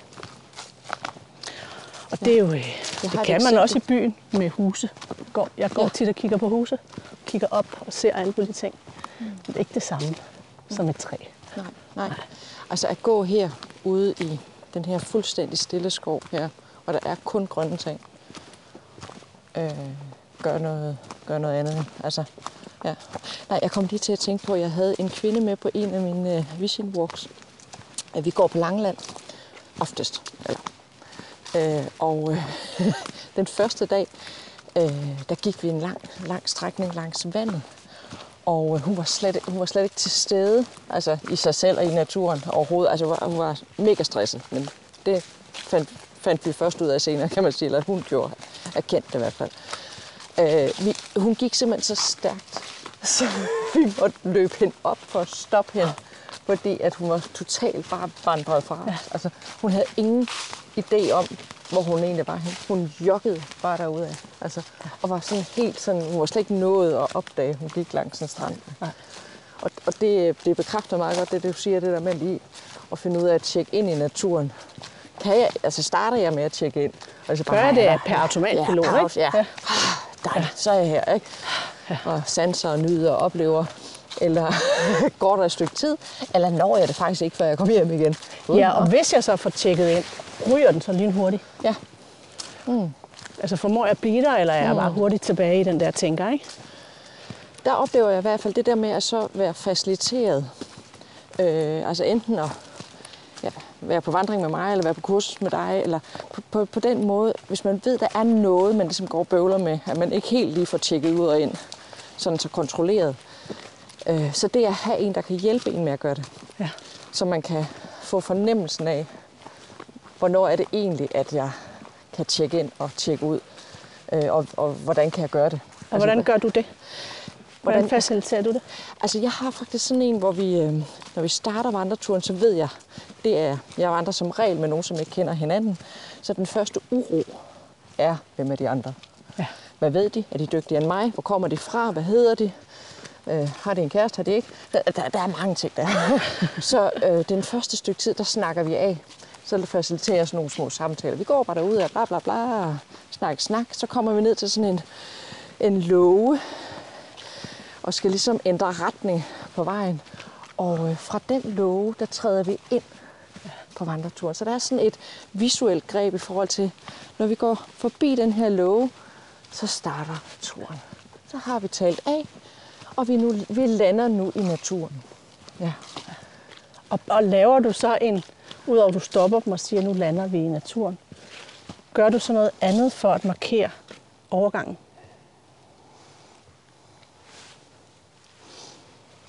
Ja, nu når du spørger, så, så...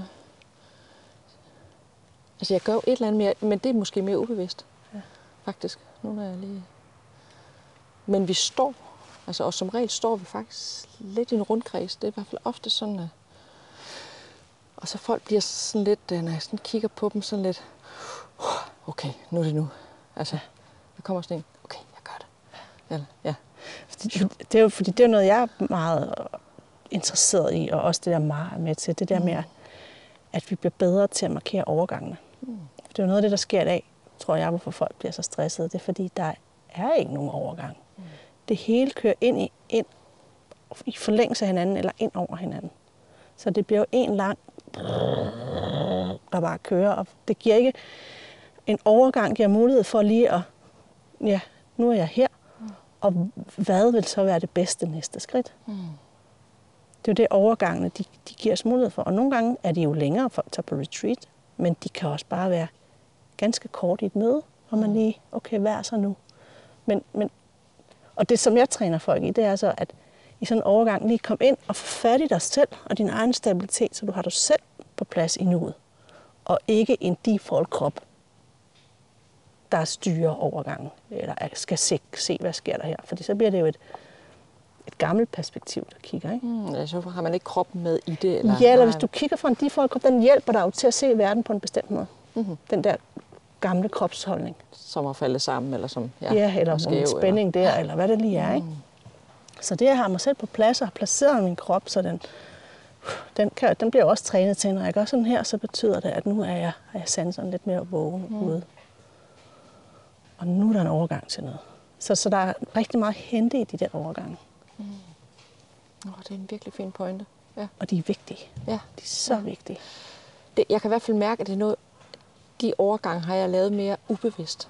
Altså jeg har vidst, at der var overgang med min visuelle teori, kan man sige, ikke? men i forhold til den kropslige, det, det har været ubevidst. Ja. ja tak. Så, øh, så det kan du prøve af. Det vil Og så kan du fortælle, hvad der så sker. Fordi det giver jo noget andet, når vi igen... Altså ord er jo med til at rette vores opmærksomhed, så Ja. ja. de er jo også vigtige Mm. med at rette os hen mod et eller andet. Ikke? Altså, Apropos skiftet fra noget til noget andet. Nogle gange kan man jo også markere et skifte bare at flytte sig.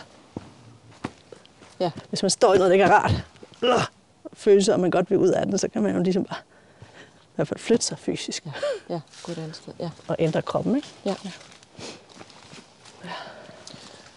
Spændende. For 22 år siden, der tog jeg voksenunderviseruddannelsen. Det kommer lige i tanke om, da du sagde det der med at flytte sig.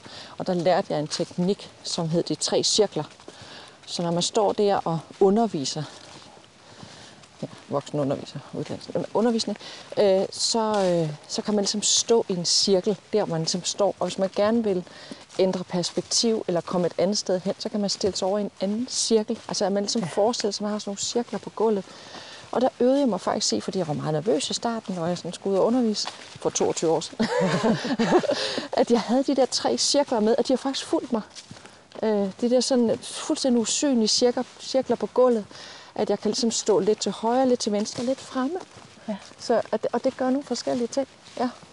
Øh, sikkerhedscirklen derovre, modighedscirklen, det ved jeg ikke. Altså, den, ligesom, så får de forskellige navne. Ja, det gør noget for dig, men det gør også noget for dem, du Ja. ja. arbejder med, Ja, og du bevæger dig rundt. ja, at jeg bevæger mig. Ja.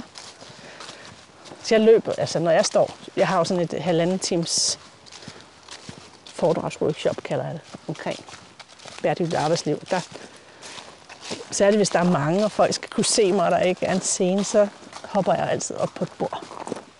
Ja. Det gør jo også noget, at jeg pludselig stiller mig på et bord. så det der med at bruge rummet, ikke bare i, Wow. ikke bare i at bevæge os rundt, men også i højderne, kan være meget sjovt. Og nu er der en blå pil der. Ja, og jeg var faktisk sådan lidt om, øh, om det var der, vi kom fra. Ja, det var der, vi gik før, ikke? Ja, var det ikke det? Jo, det tror jeg. Er vi så modige at gå den vej? Jeg synes, den der maj ser Den- mere spændende den ud. er en lidt, ja, Fordi det er en smallere sti. Ja, det er det. Jeg kunne allerede mærke det på dig. Din krop var på vej, Ja. mens jeg snakkede. Nej, jeg vil ikke ud på grusvejen. Det kommer vi så måske nu alligevel. Jamen, det er en anden grusvej. Eller så går vi bare rundt og rundt og rundt. Ja, det er rigtigt. Nå, det er meget fedt. Du, og det er jo igen, du bruger din krop og flytter den, og dermed husker du det også. Ja. Måske bedre. At, at, men det kræver også en investering at huske det. Ja, Det kræver, at du har dengang virkelig brugt det. Ikke? Også fordi du var nervøs, så har du oplevet, at det har givet dig noget. ja. Og, og jeg troede, det var en visuel ting, fordi jeg ligesom så de der cirkler for mig. Og at- det var dem, jeg havde i mit hoved på en eller anden måde. Okay, så hopper jeg over i den anden cirkel. Så står jeg mere trygt derover eller næste øvelse, jeg skal lave med dem, foregår derover. Så får de det fra et andet perspektiv, ikke? Ja. Altså, men jeg havde selvfølgelig ikke tænkt på, at jeg gør jo også noget med min krop. Ja, Ja, kombinerer. krop, faktisk kroppen, der flytter sig. Ja, og du har jo trænet din, din hjernes historier i, at, at det giver dig noget. Efterhånden, som du har gjort det flere gange, Ja. så ved den jo også, at den, når du træder over i højre cirkel, så er det det, den skal hjælpe dig med. Ja. Ej, prøv en duft her. Mm. Jeg kan godt sige dig, at jeg var så glad for, at vi skulle ud i skoven, fordi jeg jo virkelig har hunger efter, efter at være ude på den her. Det her det er klart den sværeste årstid for mig at være i København. Det må Ja. ja. jeg sige, det er det altså. Fordi det er så dejligt øh, ude i, den, i naturen, i efterårsnaturen. Ikke? Ja, det er jo høsttid. Altså, det er jo der, man også høster. Ja. Samler ind og gør alt muligt. ja. Gør klar til næste års høst. Selvom det er mig, der har inviteret Sofie Kemp med på vandretur, så kan jeg vist godt tillade mig at spørge ind til hendes næste skridt. Og det har jeg jo for vane at gøre i den her podcast. Og Sofie er faktisk forberedt sig hjemmefra, så hendes næste skridt falder meget naturligt ind i vores samtale. Jeg har nemlig tidligere talt med Sofie om det der med at skifte fokus i sin virksomhed og i sit lederskab, og hvordan man griber forandringer an. Det kræver ofte mod at tage et nyt, anderledes skridt på sin rejse. Og Sofie har en virkelig fin historie om, hvordan hun har taget hendes næste skridt. Sofie, den her podcast, den hedder Næste Skridt. Ja. Og det handler jo både om, at øh, vi tager skridt, vi vandrer sammen, hvis vi har en samtale. I dag er det ikke coachens samtale, men en, en ligeværdig samtale mellem to eksperter.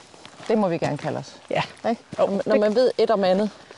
Jeg kalder mig ekspert. Jeg kalder mig også spydspids Spydspids. inden for kropsligt lederskab i Danmark. Ja, der er noget krop i det ord. Ja.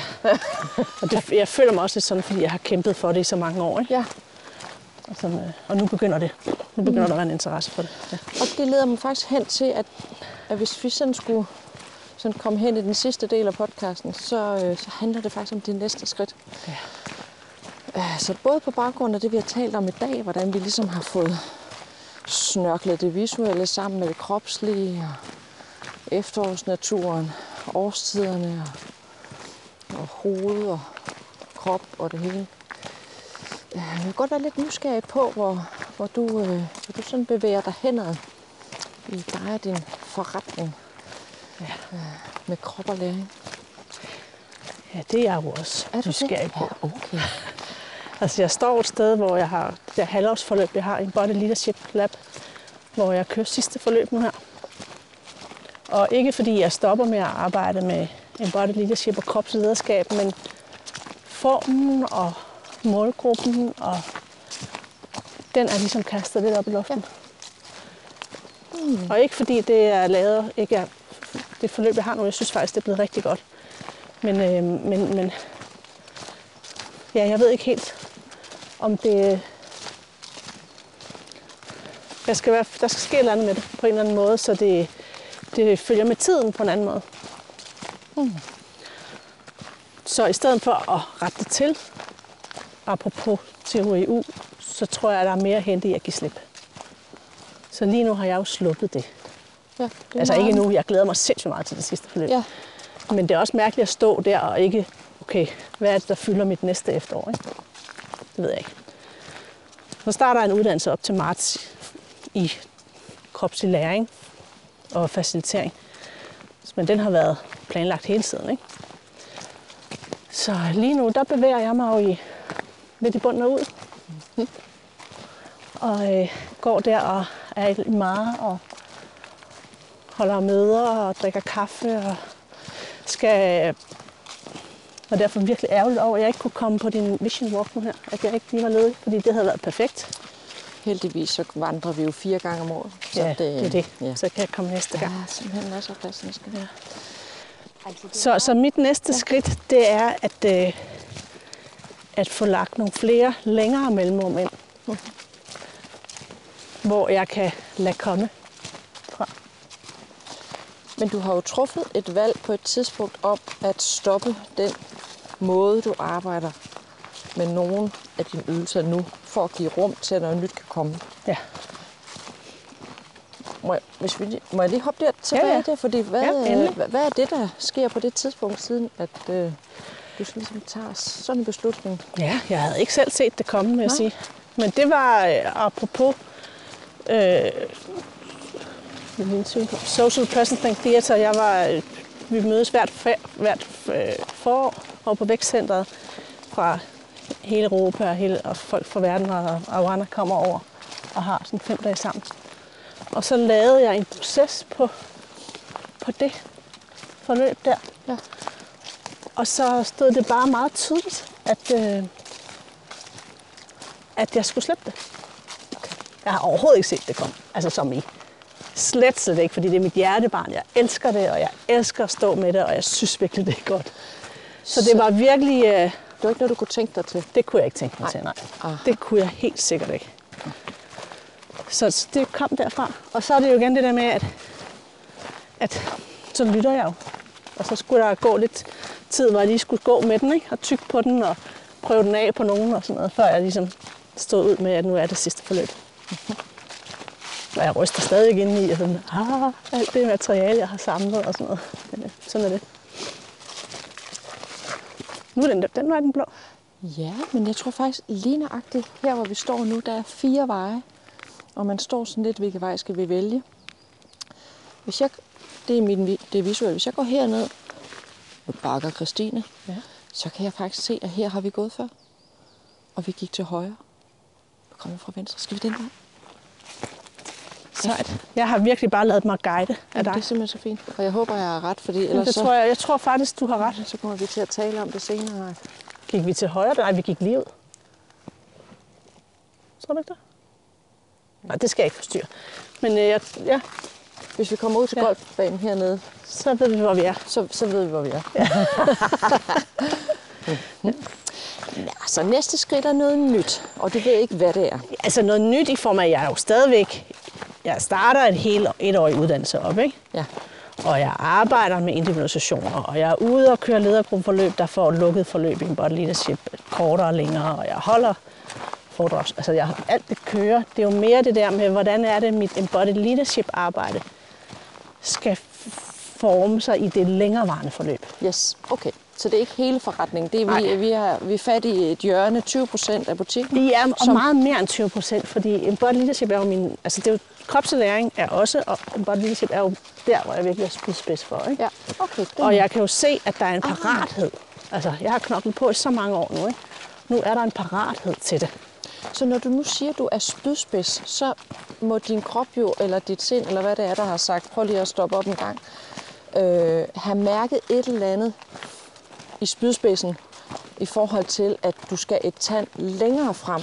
Altså, der er et eller andet, der gør, at du skal øh, være Ja, altså, det, som, altså det, som jeg er blevet klar over efterfølgende, det er, som jeg tror, jeg er klar over, hvorfor jeg skal slippe det også, ikke? det er, at på en eller anden måde, sådan som forløbet er stykket sammen nu, så taler det til to forskellige målgrupper. Mm. Og det dur jo ikke. Så den ene, det er, at, at jeg vil jo gerne træne ledere i at stoppe op og have mod til at se og handle på det, en situation kalder på.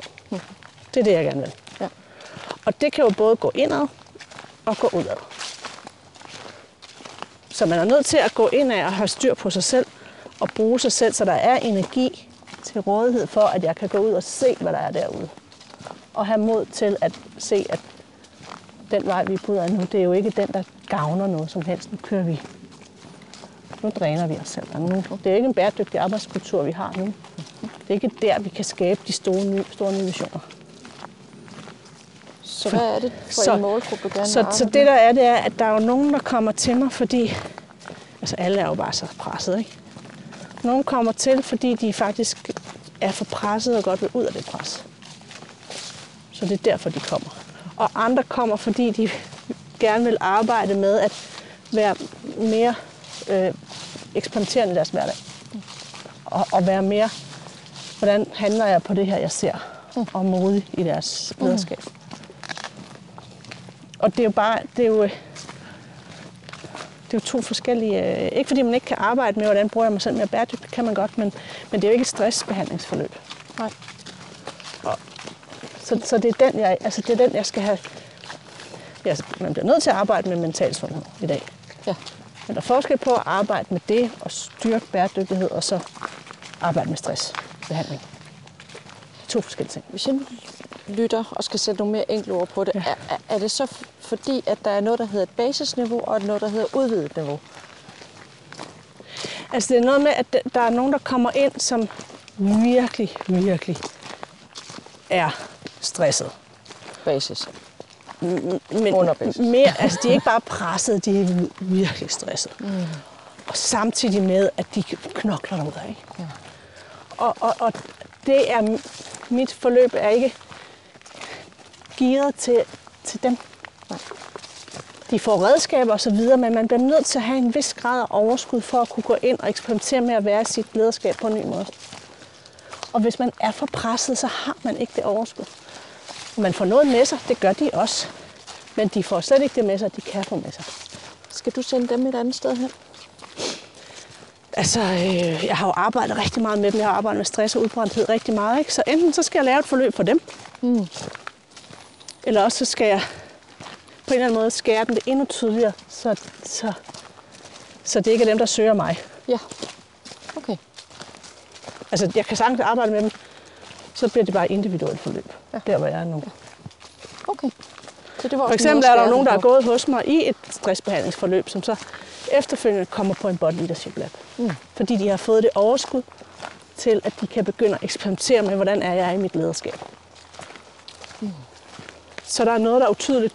Plus at jeg jo også brænder for bæredygtighed og klima og sådan noget, ikke? så den står også og blinker lidt. Ja, Nej, nu er jeg faktisk i tvivl om vejen. Undskyld. nu er der noget, der går ned derhen. Sådan en stejl bakke har vi da ikke lige gået op ad. Nej, og vi kom heller ikke af sådan en lille sti, gjorde vi det? Nej.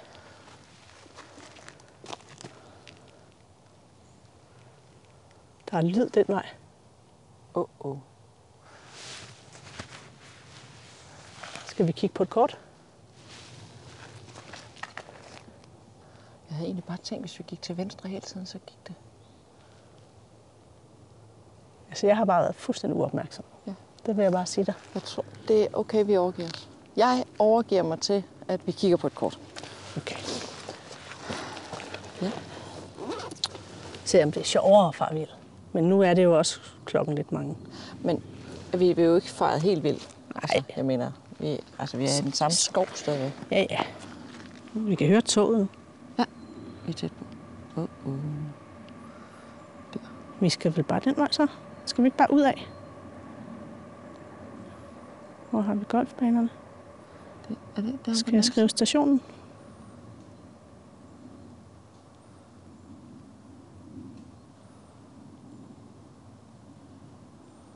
Hov. Jeg har ikke briller på. Hvor sted der? På station øverst. Dut.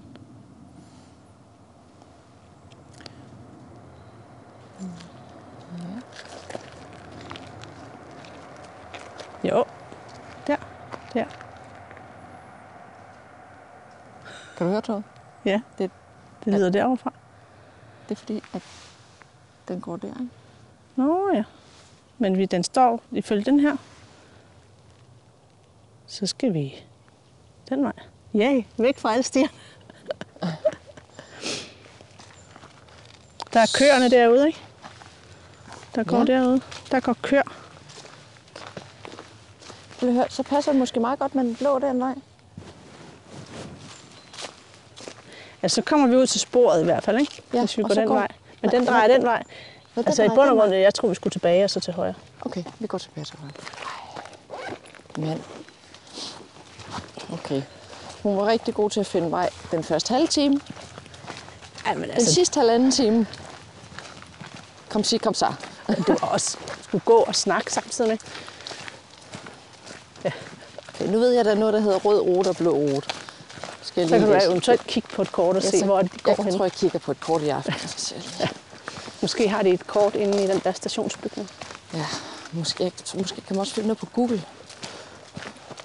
Er du sådan, at vi skal have taget billeder af Sædskoven? Ja. Er du sådan en? Ja. Så skal vi jo bare lige huske det, inden vi kommer ud af den, og Ja, nede, hvor der er noget lys. Der er Fordi lys det er sådan noget, jeg altid glemmer. er det rigtigt? Ja, men vi har jo ikke været her, hvis vi ikke har taget et billede. Nej, det er det. det, er det. Vi har nu taget sidste skridt i denne episode af podcasten Næste Skridt. Tusind tak for at lytte og gå med. Du kan lære meget mere om ledelse, forandring og coaching ved at tjekke ind på min hjemmeside vandrecoaching.dk. Har du fået øjnene op for et emne eller et dilemma, som du gerne vil coaches på, så kan du booke din helt egen vandrecoaching.